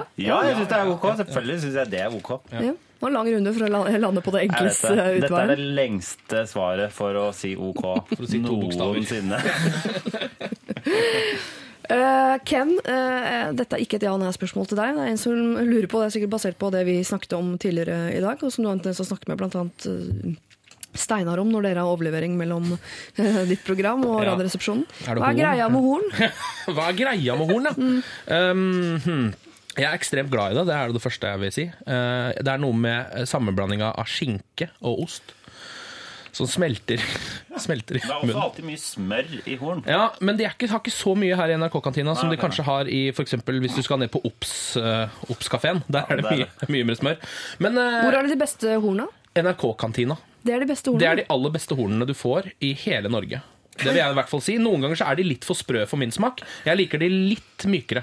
Ja, for dette har vi hatt en diskusjon på, for jeg liker tørre horn, men du Ja. liker de myke. Du liker at det knaser i hele trynet ditt når du eh, spiser horn, mens Ja. jeg liker at, det, at jeg må dra litt i det. At det er litt seigt. At må jeg rive det av litt som kjøtt fra et bein. Ja.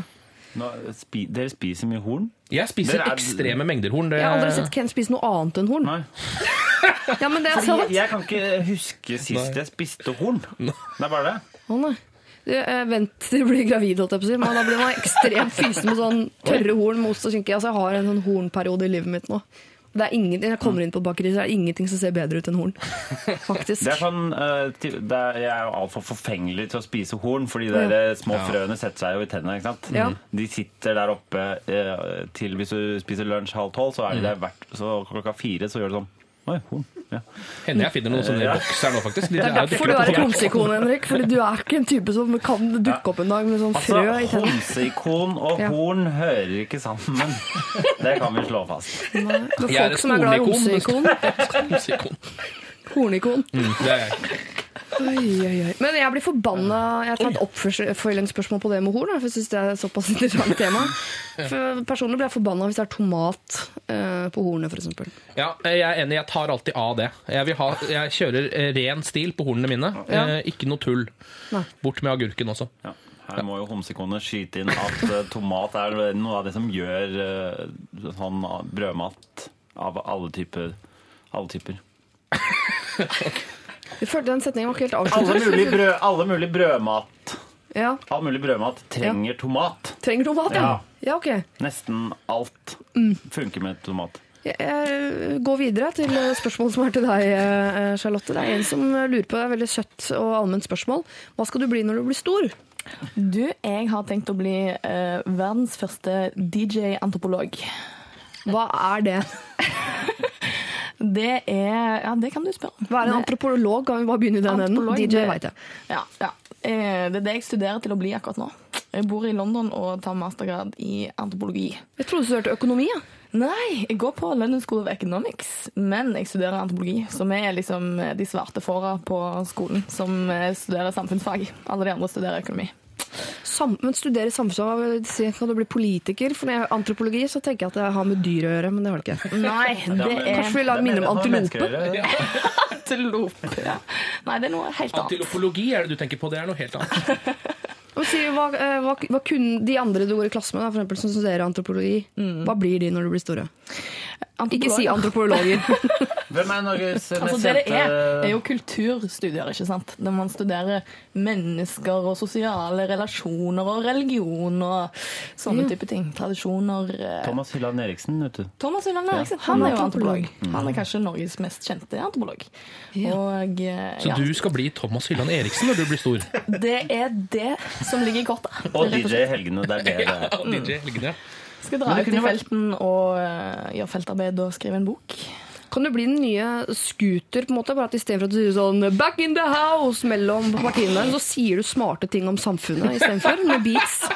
Ja, eller så tenkte jeg kanskje bare ha sånn eh, fest ute i jungelen din med en stamme. Og DJ-er ute i, i, i jungelen. DJ-er ute i felten, rett og slett. Eh, Jeg det- hører pappa Ny-Guinea nå brøler «Uæ, Endelig! Så endelig! Uh, Charlotte skal ikke bare bli sosialantropolog, hun skal bli partyantropolog. ja.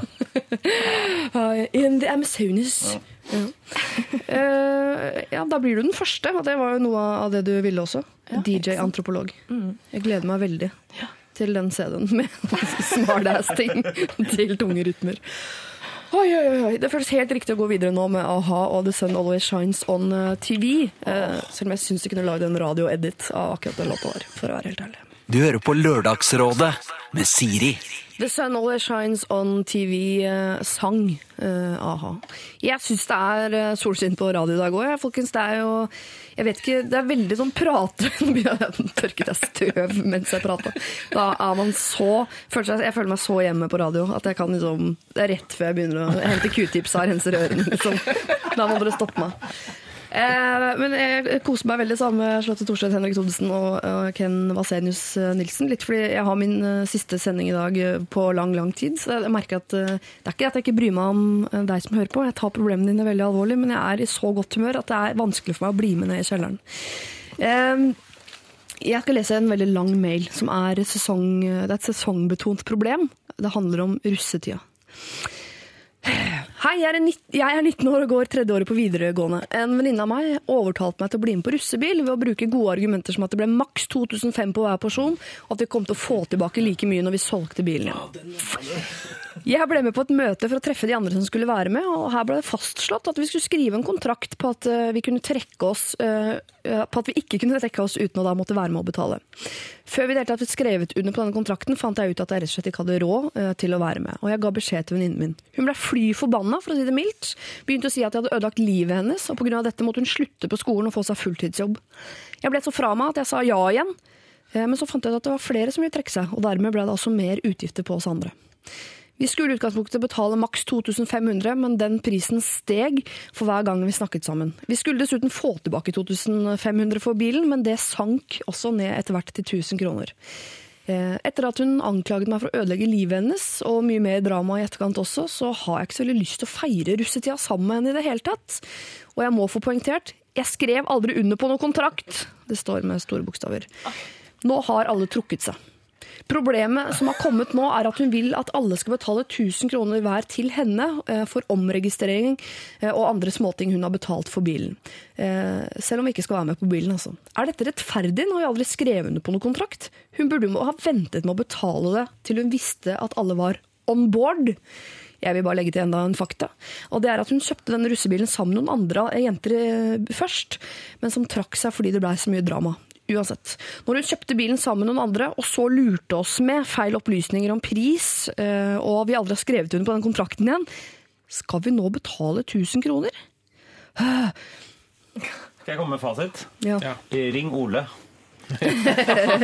Kontrakt, eh, Kontraktkongen, han Men skjønner, det, var, det, altså, det er mye tall og fakta Ja og drama Ja. og følelser her, men eh, det er jo Er det, en ikke, det, er jo, det er jo sånn russetiden er. Ja. Det største uh, opphypingsprosjektet i Norge, og ofte i livene til folk. Men selve russetiden er jo, kan jo være også ganske gøy, men det der hypinga i forkant er jo Ja. det verste som skjer i livene til norske eh, gutter og jenter. Og så er det jo veldig trist når en russebil skal bety eh, slutten på et vennskap. Rett og slett. Det, Men, det, er- men ja, fordi man, den russetida blir altså det blir for mye mas og jag rundt det. Og det er alltid så er det jo sånn der at man får faktisk den følelsen, det husker jeg selv fra da jeg var russ, at man tror at hvis man ikke er med på alt som er nå, og bruker ekstremt mye penger, så går man glipp av noe som man kommer til å angre på resten av livet. Det gjør man jo ikke i det hele tatt. Eh, det, er liksom, man kan godt bare være med én dag i russetida, så holder det. Det- altså, no- Kjøp deg dress og gå rundt, du trenger ikke alt andre. Altså, men um, det er jo gøy uh, med russetid. Noen har det mer gøy enn andre. Noen har det mer krampaktig gøy enn andre. Noen har det dritdøvt, og noen gidder ikke å være med. Det er liksom det er litt sånn opp til hver enkelt. Men Det der, er jo jeg syns det var kjempekjekt med russetida. Det må jeg si. Og man trenger ikke å bruke så sinnssykt mye penger for at man skal ha det gøy i russetida og kunne delta på ting. Sånn, Min russebil var ikke en ordentlig bil, men vi lagde den av papp. Og malte den Kan ikke lage bil av papp. Det går ikke bil av papp. Det går ikke å gjøre det. Gikk i russetoget med en russebil av papp. Så det Men- kan være et forslag. hvordan, hvordan kjørte dere til Hvordan Det kom dere på vi- vi kalte det for Chitty Chitty Bang Bang. Og, ja, Smart. så det kan være et forslag. Eh, Russebilen min har dette snakket vi om forrige lørdag, het Fellesmeieriet. Det var eh, ganske harry. En gjeng med jenter som også hadde skrevet foran på bilen 'Drekka maks'. Ja. Vi hadde da Sankt Anus 2, eh, var vår russebil. jeg, Takk. jeg er så lei meg for at jeg ikke hadde ordentlig russebil uh, nå, og kunne si hva den het. Og du hadde ikke russebil, Henrik? Hva er det Nei, du drev med? Uh, jeg veit ikke, jeg bare snylta på alle de andre som hadde Og se hvor han er i dag, folkens. Ja. Nei, Jeg skal ikke lage noen poeng ut av det, men altså, eh, russetida er gøy for to grupper mennesker, og det er russ. Og det er bitte små barn som er opptatt av russekort. Ja. Alle andre hater russ, det skal man være klar over. Ja. Men eh, må, det er fint at du sier at det trenger ikke å bli så dyrt. Og det er jo det hun er redd for, hun som sender inn problemet sitt. Hun har ikke lyst til å betale 1000 kroner for Altså For noe hun virkelig ikke har skrevet under på eller vært med Nei. på. Eller, og da blir jo egentlig problemet vi skal løse det. Skal vi bare betale de 1000 kronene og kanskje få beholde denne venninnen? Eller skal hun eh, virker- stå på krava her? Hvis jeg skal være litt slem, så virker ikke dette som noen sånn spesielt god venninne. Faktisk. Nei. Eh, og det, er jo, altså det virker som hun på en måte har blitt litt lurt opp i en slags felle, som gjør at hun plutselig må betale masse penger. Som hun egentlig ikke ville betale i det hele tatt. Uh, og det høres jo også ut som den personen ikke har helt ting på stell, som, prøver, som har styra med denne russebilen, siden det er flere som har trukket seg i mange forskjellige situasjoner her. Så jeg ville aldri ha betalt de pengene. Men Altså. har de ikke en bil nå, eller? Det virker jo ikke sånn heller. Det virker som det er ingen som sitter igjen med noen ting her. Nei, Jo, jeg tror hun som arrangerer det hele, Ja. eh, som er på runde to innen arrangeringa av russebil, hun har jo i hvert fall eh, eh, hatt noen utgifter på denne bilen. Men øh, hvis de har noen en bil og bare kvitter seg med den bilen, så virker det kanskje i russetida at de kommer til å tenke sånn Å, det var bra vi hadde den bilen allikevel. Ja, Så du mener at de skal beholde bare- bilen? Ja. Male den og kose seg med den? Ja, så Man kan jo enten betale de pengene og bli med og, og være på den bilen alle sammen, men det virker jo ikke som de tåler trynet på hverandre plutselig pga. den bilen. Nei, det er jeg helt enig. i. Så det er jo Det er jo faen meg den bilen de må snakke med. Det er den som har problemer. Men jeg synes jo, hvis vi skal prøve å se det litt fra uh, arrangøren, hun som faktisk har kjøpt denne bilen da. Noen må jo ta initiativet. Og så Ja. Hun er egentlig uh, i utgangspunktet kanskje litt game, som har tatt på seg ansvaret for å skaffe denne bilen og legge ut for denne bilen, og så plutselig så er det den ene gjengen etter den andre bare trekker seg, så sitter hun der med en, med en bil og masse Ja. utgifter. Det er vanskelig å er- koordinere så mange mennesker som skal være med på en russebil, så det Ja, for- se saken fra begge sider. Hun burde jo ha ventet med å betale til hun visste at alle er om bord. Nei, det er ikke sånn det fungerer. For når du henter den bilen, så må du betale. Du, ja. Men du kan ikke kjøpe en bil hvis ikke du har pengene. Skjønner du hva jeg mener? Så du kan jo ikke bare kjøpe en bil hvis ikke du vet at det er en masse folk som skal være med på den. Du har lagt ut og lånt penger av pappa, eller tatt komf-pengene, eller altså Ikke så lurt. Men syns dere det er riktig at hun skal sitte igjen aleine med hele den regninga? Det er Det spørs jo, da. Det er vanskelig å si hva som har skjedd her. Men hvis det er sånn at uh, ingen av de andre helt har vært At det er liksom, hun tenker ja, ja, jeg har sånn seks folk som har sagt sånn at de kanskje skal være med på det her, jeg kjøper den bare inn. Og Det, er- det er det ene du tar en liten risk, da. Ja, du gjør jo det. Og det virker jo ikke som at alle har vært helt sånn derre Ja, jeg er med, du er med, eh, vi samler inn pengene. Det virker ikke som det er sånn ekstremt bra Ja, for Det er alltid irriterende med de der folka som er sånn Hadde det ikke vært gøy å dra til Hadde det ikke vært gøy om vi dro Om vi kjøpte et eller annet sammen, eller om vi dro på den og den turen sammen i, i mai? Og så alle sånn Jo, det har vært dritkult. Og så to dager siden Hei, jeg har kjøpt hotell Ja. til oss og booka tur til Bare alle. sett inn 4000 kroner her. Bare sett inn Det var litt dyrere enn det. Det var 7500. Nei, det ble jeg ikke med på. Men det er Ja, men jeg enda har mer lagt ut. Det er litt Er det ikke enda mer irriterende med de gjengene som er sånn Hei, hva om alle vi eh, stikker til, eh, til Lanzarote? Og alle er sånn ja, ja, ja. Og så er det ingen som gidder å gå inn på nettet og se om det er billetter. Og så blir det bare til at man eh, hver eneste gang man møtes da fram til man er 60, sier sånn Hva skjer med Lanzarote-turen da, gutta? En eller annen er jo nødt til å gå inn på, uh, på en eller annen nettside og booke og ordne og Ja, fikse. og skal man, man ikke ha litt for ikke, det? ja, man kan ikke bare bruke andres penger. Skjønner du hva jeg mener? Sånn, man må liksom ha en ganske klar avtale på det. Du kan ikke bare gå ut og kjøpe en bil og så bare regne med at de andre blir med og betaler de pengene tilbake. Men var det og umulig så å blir selge den igjen? kjempesur etterpå. Var det umulig å selge den igjen? Det Ja, skjønte jeg ikke. hun har jo den bilen, så jeg mener at hun sitter jo på noe, noe cash. på Kan de ikke prøve å ta et møte til og se om de klarer å Fordi det er jo kjekt å ha den bilen i rustida, antageligvis. Ja, det er det jo. Det er det. Mm. Tenk litt på det òg, dere. Ok, takk for meg. Kall den Sankt Anus 3, så har du en Ja, den fire må den til. Kanskje dere skal ta et eh, ekstra møte og ta en runde på hva dette her er verdt for dere. eh, Og uansett om det er drama nå, så er jeg helt sikker på at dere får det gøy i russetida. Ja. Eh, eller hvis hun har kjørt sitt eget løp 100% hun jenta her, så nei, du må ikke betale. Men 1000 kroner er ikke en veldig høy pris å betale for å slippe enda mer drama.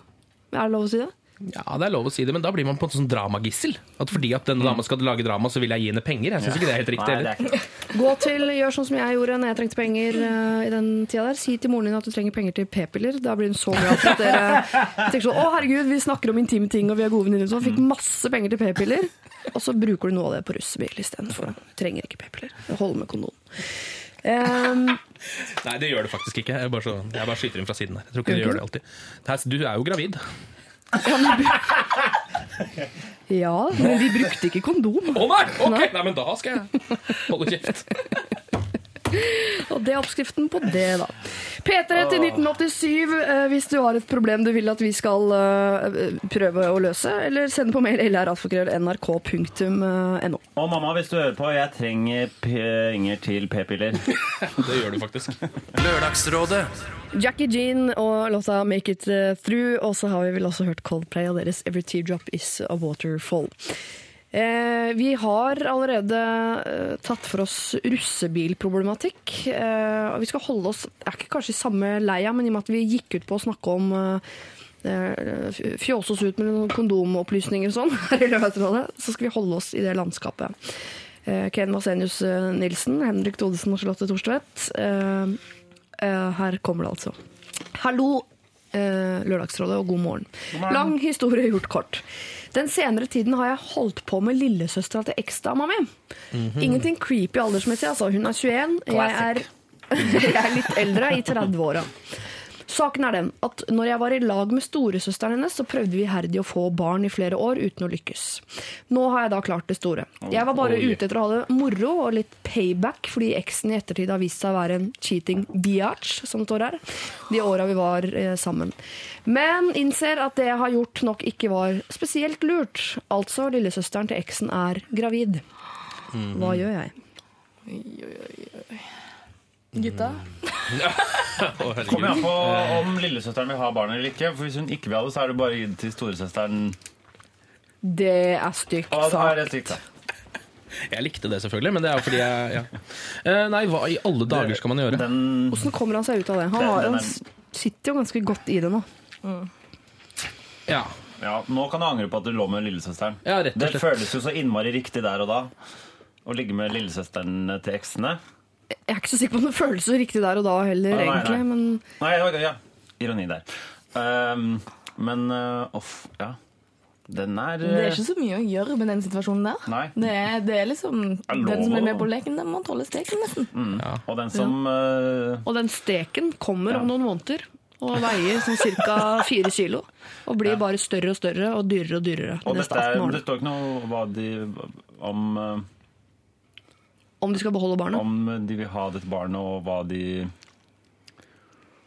hva, hva føler hun der lillesøsteren til han, blant annet? Og Det vet jo hva var hun hypp på, egentlig? hun var også hypp på noe payback fra noe mobbing mens hun var liten, eller? Ja, ikke sant? Men la, hvis vi legger til side dette med at hun er lillesøsteren til eksen, og sånn, for det er, på en måte, det, føler jeg at det er det minste problemet her akkurat nå. Nå er vel først og fremst problemet at han har gjort en eh, jente gravid som han i utgangspunktet ikke vil ha barn med. Ja. Den feilen har han begått. Og hva er da eh, neste steg videre for denne fyren? Bare, han, han var 30, og hun var Eh, 21. Oi. Ja. Han er i 30-åra.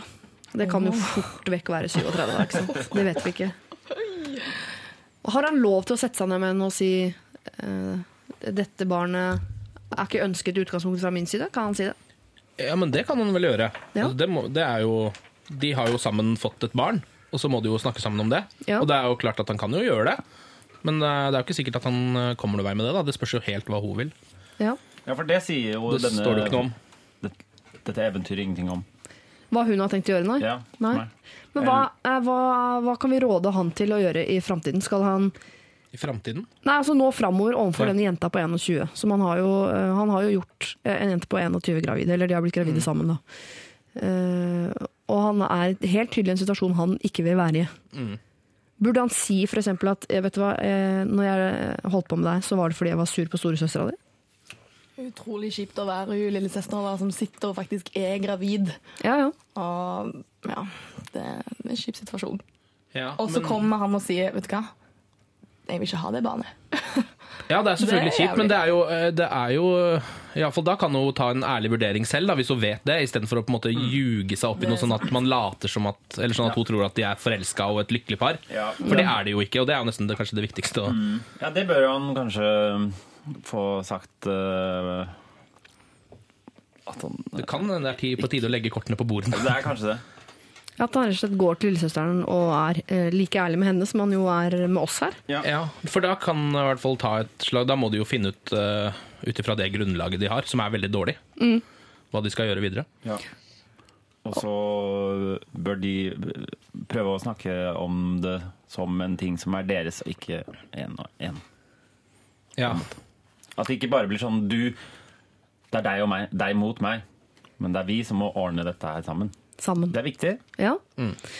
og eh, det er jo dessverre, kanskje kan man si sånn, at hun sitter jo eh, til syvende og sist med makta for, eh, for hvordan framtiden kommer til å se ut.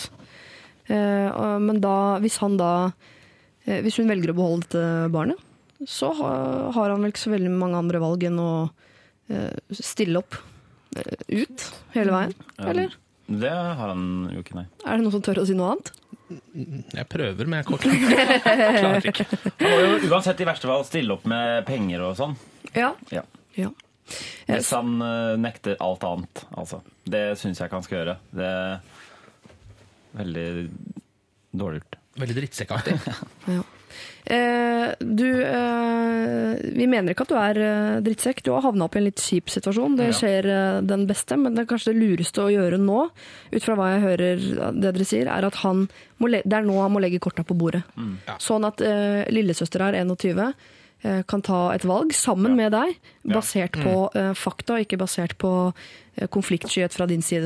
Eh, Du må ikke finne på å si sånn Ja, nei, jeg liker deg kjempegodt, eller altså Her må du faktisk Jeg tror han må være Jeg sier ikke at han skal være slem, han må bare være veldig Bare være- ærlig om hva han har være- tenkt hele veien, og Ja. det kommer til å svi, men heller det. Ja, for det er ikke noe vits å lure henne videre opp i stry. Ja. Og Nå, er det bare å, nå har du liksom på en måte rota deg inn i noe greier, så nå må du i hvert fall være litt ærlig. Ja. Det må du. Så må hun, eh, lillesøsteren, altså se an hvordan eh, forhold hun er hypp på storesøsteren sin Mm. også. Hun må faktisk få lov til å få vite hvem det er hun vurderer å få barn sammen med. Hun må vite hvem du er, og hva du har tenkt, og hva du tenker. Sånn er det bare! Eh, P3 er kodeordet 1987 er nummeret hvis du har eh, problemer. Det er ikke så mange flere problemer vi rekker her i dag i Lørdagsrådet, men noe skal vi da klare å få smetta inn. Eh, her er eh, No Doubt og deres It's My Life.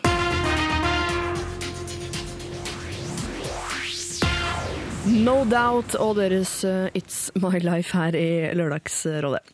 Hei! Når mannen min har vært på byen, kommer han gjerne sent hjem og er bakfull til litt langt utpå neste dag. Definisjonen av på byen, altså. Hæ? Definisjonen av på byen, altså. Ja, det er helt riktig. Da syns jeg det er greit å la han få sove ut rusen. Jeg tar gjerne med meg ungene ut på tur, på besøk eller lignende, og forventer egentlig ikke en no- normal samtale med mannen min før utpå ettermiddagen. Det som er, er at søsteren min kjefter på meg når jeg gjør dette, som om hun har noe med det å gjøre. Selv lar hun ikke mannen sin sove lenger enn til maks klokken ti, og da drar hun han gjerne med på butikken, på tur eller lignende, sammen med alle tre unga som er under seks år hele gjengen. De to-tre gangene i året jeg selv er ute på byen, blir jeg jo veldig glad hvis jeg kan få komme meg litt i mitt eget tempo, noe jeg som oftest får. Hva syns dere? Er jeg for snill? Med vennlig hilsen Snillkona. Nei, du er jo en uh, ordentlig god person. Du er jo kul, ikke Ja, ta råd fra dustefolk, liksom, selv om det er søstera di. Spesielt ikke hvis det er søstera di. Neste, neste problem. Ja, men den er jo, ja, men den er jo helt grei. ja, Syns jeg, i hvert fall. da. ja.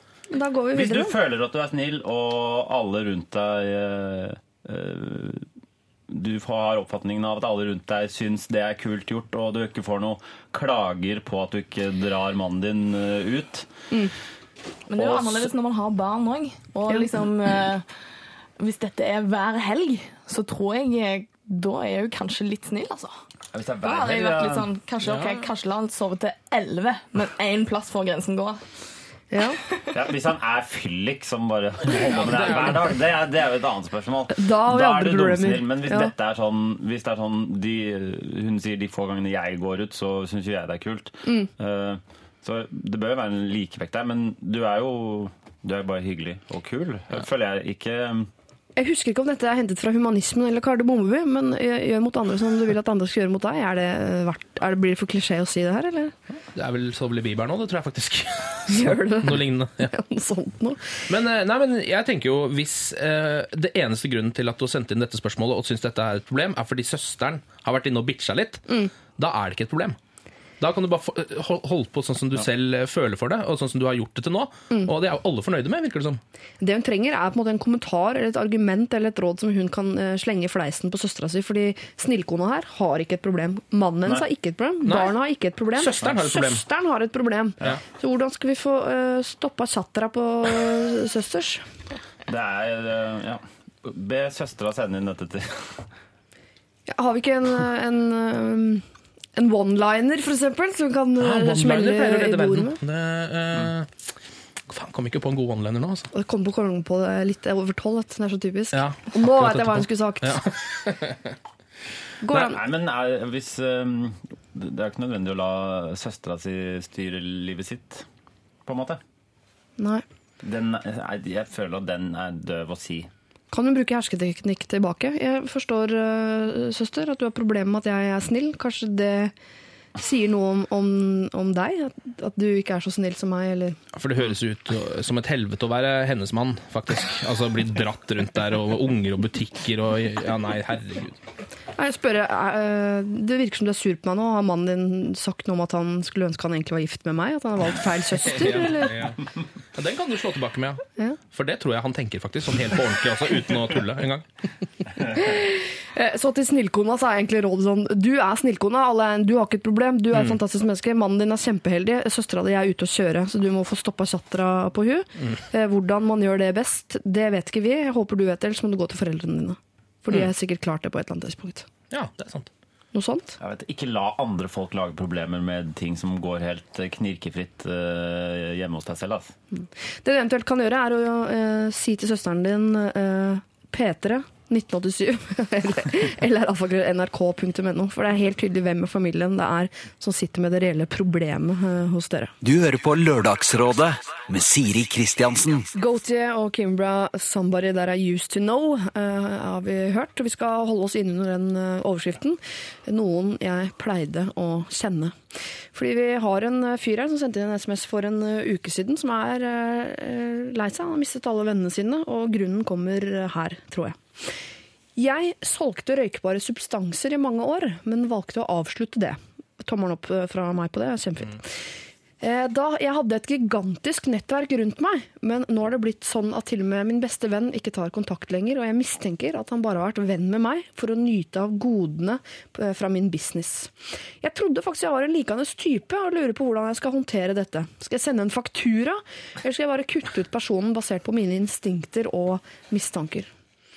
Altså Her er det en fyr som har tatt et veldig riktig valg i livet sitt. Han har sluttet å, å gjøre det han drev med som var ulovlig, men vips, så var nettverket borte. Så viste det seg at vennene hans var kundene hans, Ja. plutselig. Ja. Kanskje man bør gå andre steder enn Akerselva for å finne seg nye venner. Ja. det Kan nok hende. Men han høres jo, i og med at han har rukket allerede å holde på med dette her i mange år, så vil det si at han er jo et stykke opp i alder. Altså, mm. Han er vel i hvert fall 25 da, tenker jeg. Hvor, går man, hvor får han seg nye venner da, eventuelt? Ja, fordi han har ikke Har han fått seg en ny jobb eller noe sånt? Det har ikke kommet fram noe om det? Nei. For der møter man jo folk. Ja, jobb eller studere litt, eller eh, Ja. Jeg vet ikke hva, hvilke skoler man går for. Eller eh, plukke opp en hobby, sjakklubb for eksempel, eller uh, malerkurs, eller tenk Ja. litt kreativt. Ja, han har gjort det tidligere i livet, og det så ikke ut som det var kanskje lurt. Men, eh, Tenk litt for kreativt. Tidligere. men ikke sant? Plutselig så er du med i den sjakklubben, og så får du masse venner her, og så slutter du å spille sjakk, og da er det bare drop it like a hot. Igjen, liksom. Igjen så skjer det igjen. ja. Nei, men um, sjakklubb var ikke veien å gå for David Toska, eller bare så det er sagt. Ikke sjallklubb, sjakklubb. Men det, det å miste venner er jo kjipt. Ja. Eh, Men Ja. noen ganger så må man jo eh, ta stikke fingeren i jorda og tenke de vennene jeg har mistet, var det egentlig kanskje greit? Dere er hvis, hvis det nå er sånn at han har mistet venner fordi han har sluttet å selge Det kan jo virke som de fleste av de vennene hans er narkomane. Altså Uansett høres det ut som, siden de har stort sett hengt rundt hos han og røyka ting. Så det er jo kanskje altså det, er ikke, det er ikke sånn Det å måtte skaffe seg nye venner, det er ikke sikkert det er så dumt. Men jeg vet ikke helt hvordan man går fram. Jeg har aldri gjort det sjøl. Vært ute og prøvd å finne meg noen venner. jeg har aldri liksom uh, nei, vært i den situasjonen at oi, nå har jeg ingen venner, nå må jeg skaffe meg helt nye. Nei, det, har jeg aldri, det klarer jeg ikke det liksom, har, sette nye meg venner har på en måte alltid liksom overlappa Ja. de gamle, på en måte. Men um, Kan man ta det opp med disse øh, vennene, skråstrek kundene han har hatt tidligere? Han kan jo det, men, men vil det komme noe godt ut av det, da? tenker jeg. For Det virker jo som det er mest svart med den ene fyren som blir omtalt som beste, en av de beste kameratene. Eh, han føler jeg kanskje man kunne prøvd å ta det opp med. Ja. Uh, men ikke gå rundt i hele det nettverket, fordi alle de er nok ikke vennene dine. Nei, altså, Det er jeg, hvis han allerede har tatt et såpass uh, fint valg, spør du meg, da, og sluttet med å selge dette her, kanskje dette er et miljø han Ja, Ja, det er jo rett og burde slett gå ut av eh, med ja. begge beina? rett og Ja. Det kan hende det er en liten blessing in disguise. At han, eh, at han må ut fra det miljøet. Men da må han finne seg noen nye streitevenner, da. Hvor er det man finner det igjen? Ja, det er så Sjakklubb. streite, de Sjakklubb. vennene. Sjakklubb, ja. Det er sjakklubb. Det er derfor jeg foreslo sjakklubb, for der finnes det streite mennesker. Ja. Der er det streitfolk. Er det kanskje kan litt for streit igjen, noen av de? Eller? La oss si at han er fra et lite sted. Eh, og der er det uh, altså, Dette stedet er delt inn i to. De som røyker hasj, og de som ikke gjør det. Hvordan vil det være for han å gå over den linja og prøve å få innpass i da, dette miljøet med ikke-hasjere? Jeg håper han ikke kommer fra et lite sted som er delt såpass i to. Eh, Men eh, Det hørtes ut som et veldig rart sted. ja, det, det det, ja. Men tror du ikke han har, Hvis han har vært eh, pusher, dealer, hva heter det? Er er ikke dette en, en gutt som antageligvis har et rykte? Blant de ikke-røykende i byen. byen? Jo, det kan jo faktisk hende. Vi, men la oss si det er Oslo, da. Eller Ja. eh, Trondheim eller Bergen eller noe sånt. Da skal det der kunne gå ganske greit. Ja. La oss si det er Gjøvik, da. Ikke sant? Da er det jo verre igjen. Ja. Um, han må flytte til Oslo eller Bergen eller Trondheim. Og skaffe seg nye venner, og da er det sjakklubb. Ja, men det virker jo, altså, da, han trenger jo en eller annen jobb nå. Ja. Det gjør han. Han Ja. trenger jo et eller annet å drive med. Det Ja. trenger jo alle. Han, det trenger Eller jo alle. studere. Ja, ikke sant? Det er det jeg mener. Han burde begynne med et eller annet. Han burde enten begynne å studere nå, eller eh, begynne å jobbe. Ja, hvis du enten begynner å jobbe et sted, eller begynner å studere og kanskje spille litt fotball, eller noe sånt på si, få deg et lag, så har du plutselig flust av venner. Ja.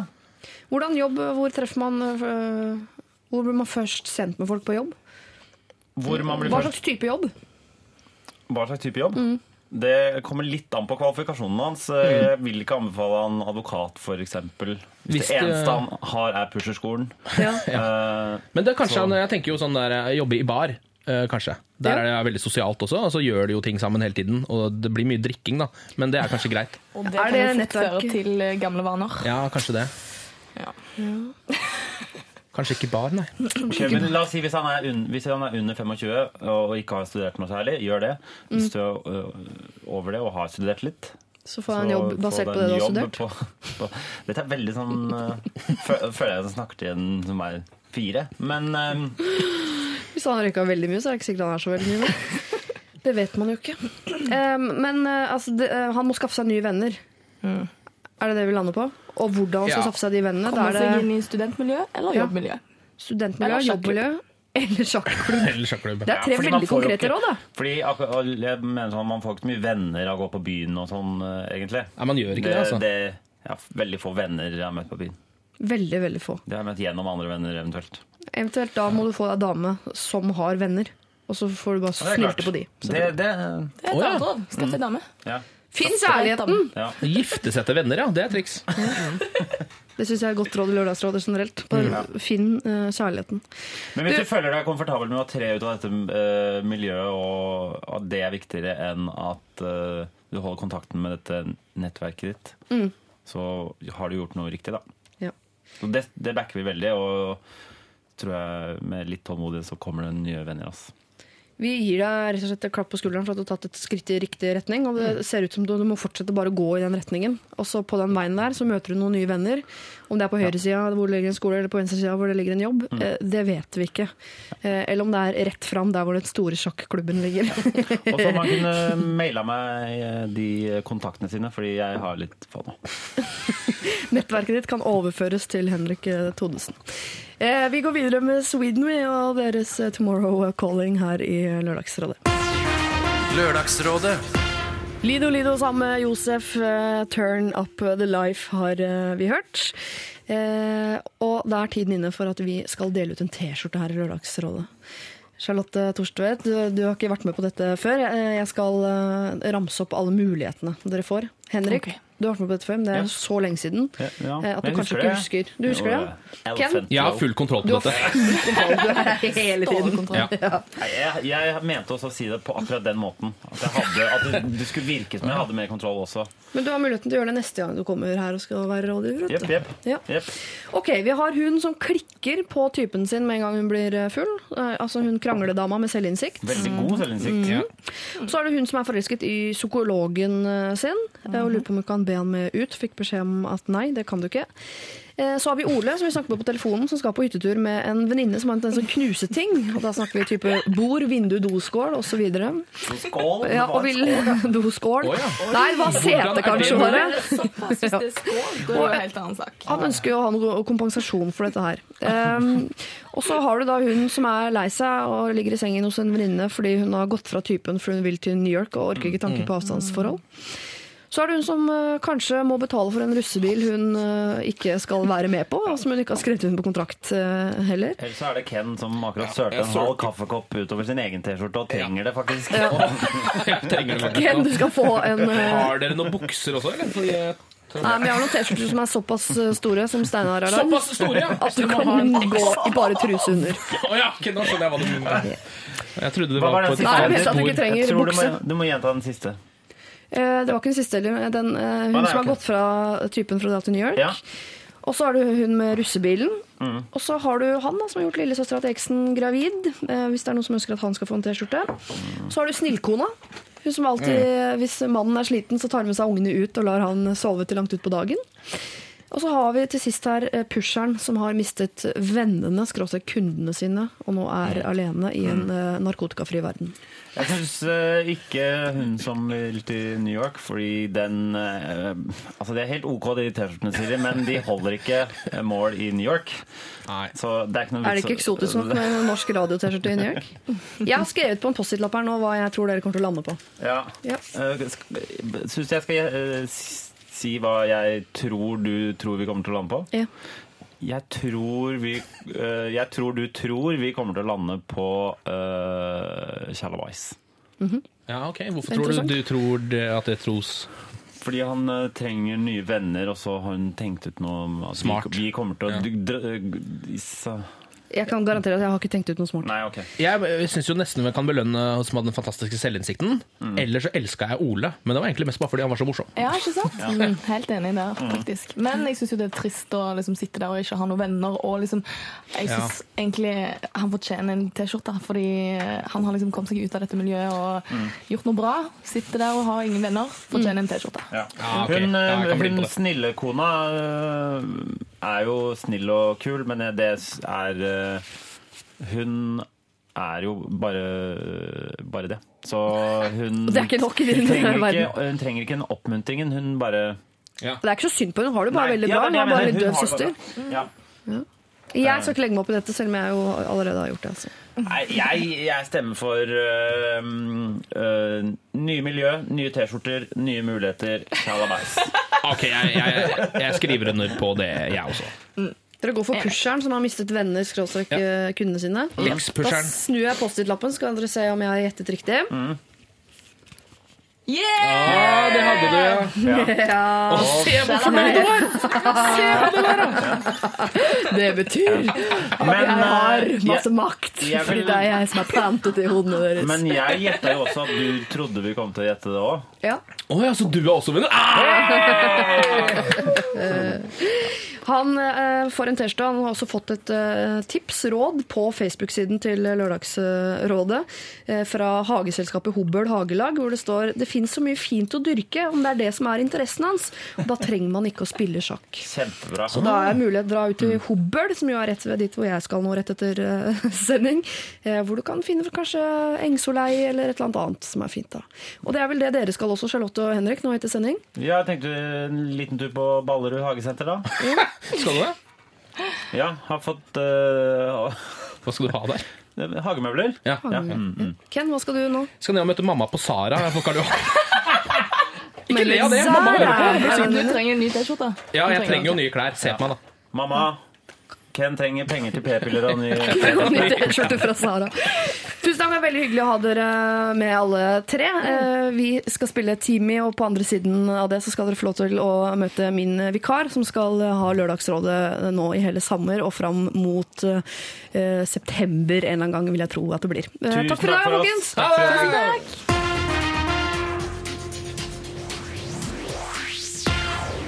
Team Me, dette her, og låta Show Me. Eh, Dette var eh, min siste sending eh, for, altså, før jeg stikker ut og, og føder litt. Grann. Men jeg blir ikke borte så lenge, jeg er tilbake allerede i august. Men jeg har ikke hjerte til å la dere sitte der ute med problemene deres på egen hånd. Så jeg har funnet en som skal passe på dere i tiden vi jeg er borte. Og det er en dame dere kjenner fra før, for hun har vært med i Lørdagsrådet mange ganger. Og det er deg, Benedicte Wessel Holst. Hei! God dag! Hei, hei! Du skal ta over Jeg etter klar, jeg påske. nå. Ja, jeg skal det. Gleder jeg gleder meg. Og eh, jeg gruer meg jo litt òg. Det blir jo spennende. Jeg, jeg er jo sånn eh, spent, rett og slett. Ja. Hva er det du gruer deg til? da? Tenk hvis det kommer noen skikkelig skikkelig vanskelige problemer hvor jeg ikke klarer å finne ut av det. Kanskje ikke panelet evner å få det til. Kanskje jeg ikke klarer å snakke. Hvem vet? Kanskje, kanskje ikke blir noe lyd. Sånne Ja. ting tenker jeg litt på. da. Tenke, det er det som er deilig med å være programleder, er jo at man eh, flyter jo på alle andres eh, greier. Altså Vi har tekniker til å fikse lyden, du har rådgivere til råd. Du kan egentlig bare sitte og spise grønne epler og fise borti godstolen liksom, og la det ture og gå. Ja. Så det tror jeg ikke du skal være så bekymra for. altså. Nei, jeg har tenkt, eh, tenkt de tankene også. Ja. Eh, hva, du har jo vært rådgiver noen ganger. Ja. Ja. Eh, hvilke problemer liksom, syns du er eh, finest å ta? Eller hva, er det- noe du ønsker deg? Oh, nei, altså jeg sitter jo Jeg blir jo veldig engasjert da, av det folk eh, sender inn. Jeg, jeg, sånn personlig så tenker jeg jo at jeg har litt sånn noe å bidra med når det gjelder eh, de emosjonelle følelsesproblemene, uten at jeg har noe spesiell kompetanse på området, egentlig. Nei. Jeg bare liker å fyre av eh, det jeg tror er lurt, da. Fyre fra hofta? Emosjoner fra hofta? Yes, da, da er det selvfølgelig kjærlighet, vennskap, familie, jobb. Jeg tar gjerne de på strak arm, jeg, altså. Ja, For du har alle de tingene. Du har kjærlighet, familie og jobb. Så noe erfaring har du jo. Absolutt. Livserfaring har jeg masse av. Hvor jobber du ellers? Jeg jobber i magasinet Mag. Ja. Ja. Er det Så- kort for magasin eller mag? Ja, det er vel egentlig en, en Det er nok det, ja. Stemmer det. Magazine. Kjempekreativ prosess. Skal vi se, så kalle magasinet vårt. Kan ikke bare kalle det maga. Det stemmer. Men der blir du også. Ja, jeg skal gjøre to ting på en gang. Ja. Så, så det blir veldig spennende. Ja. Du, da overlater jeg eh, vår verden, altså, altså universet fullt av problemer, Ja. på dine skuldre, Benedicte. Ja. Lykke til med det. Tusen takk, Siri. Eh, og så sier jeg eh, tusen takk eh, for meg eh, for denne omgang, og gleder meg til Jeg håper selvfølgelig dere fortsatt har problemer i august, og det mener jeg fra et, uh, varmt hjerte. Du kan podkaste dagens sending og alle andre sendinger som er gitt ut i 2012 via iTunes eller på nrk.no podkast. Og så blir vi jo glad hvis du går inn på Facebook og faceraper oss lite grann der inne. Vi er snart oppe i 2000 venner, og det blir den viktigste oppgaven din, Benedicte, fram Ja. mot august. Det er å sørge for at du vi bikker 2000 innen jeg Skal er fader meg klare. Ja. Jeg skal melde inn dattera mi det sekundet hun kommer til eh, verden. Eh, og jeg håper hun blir medlem nummer 2000 blank. Eh, grusomt å skulle gå fra å snakke om dattera si til å sette over til Sam Dai Young, men eh, sånn har det blitt. Dette her er eh, Lale, og tusen takk for i dag. Du hører nå en podkast fra NRK P3. Hent flere podkaster fra NRK på nettsiden nrk.no podkast. NRK P3.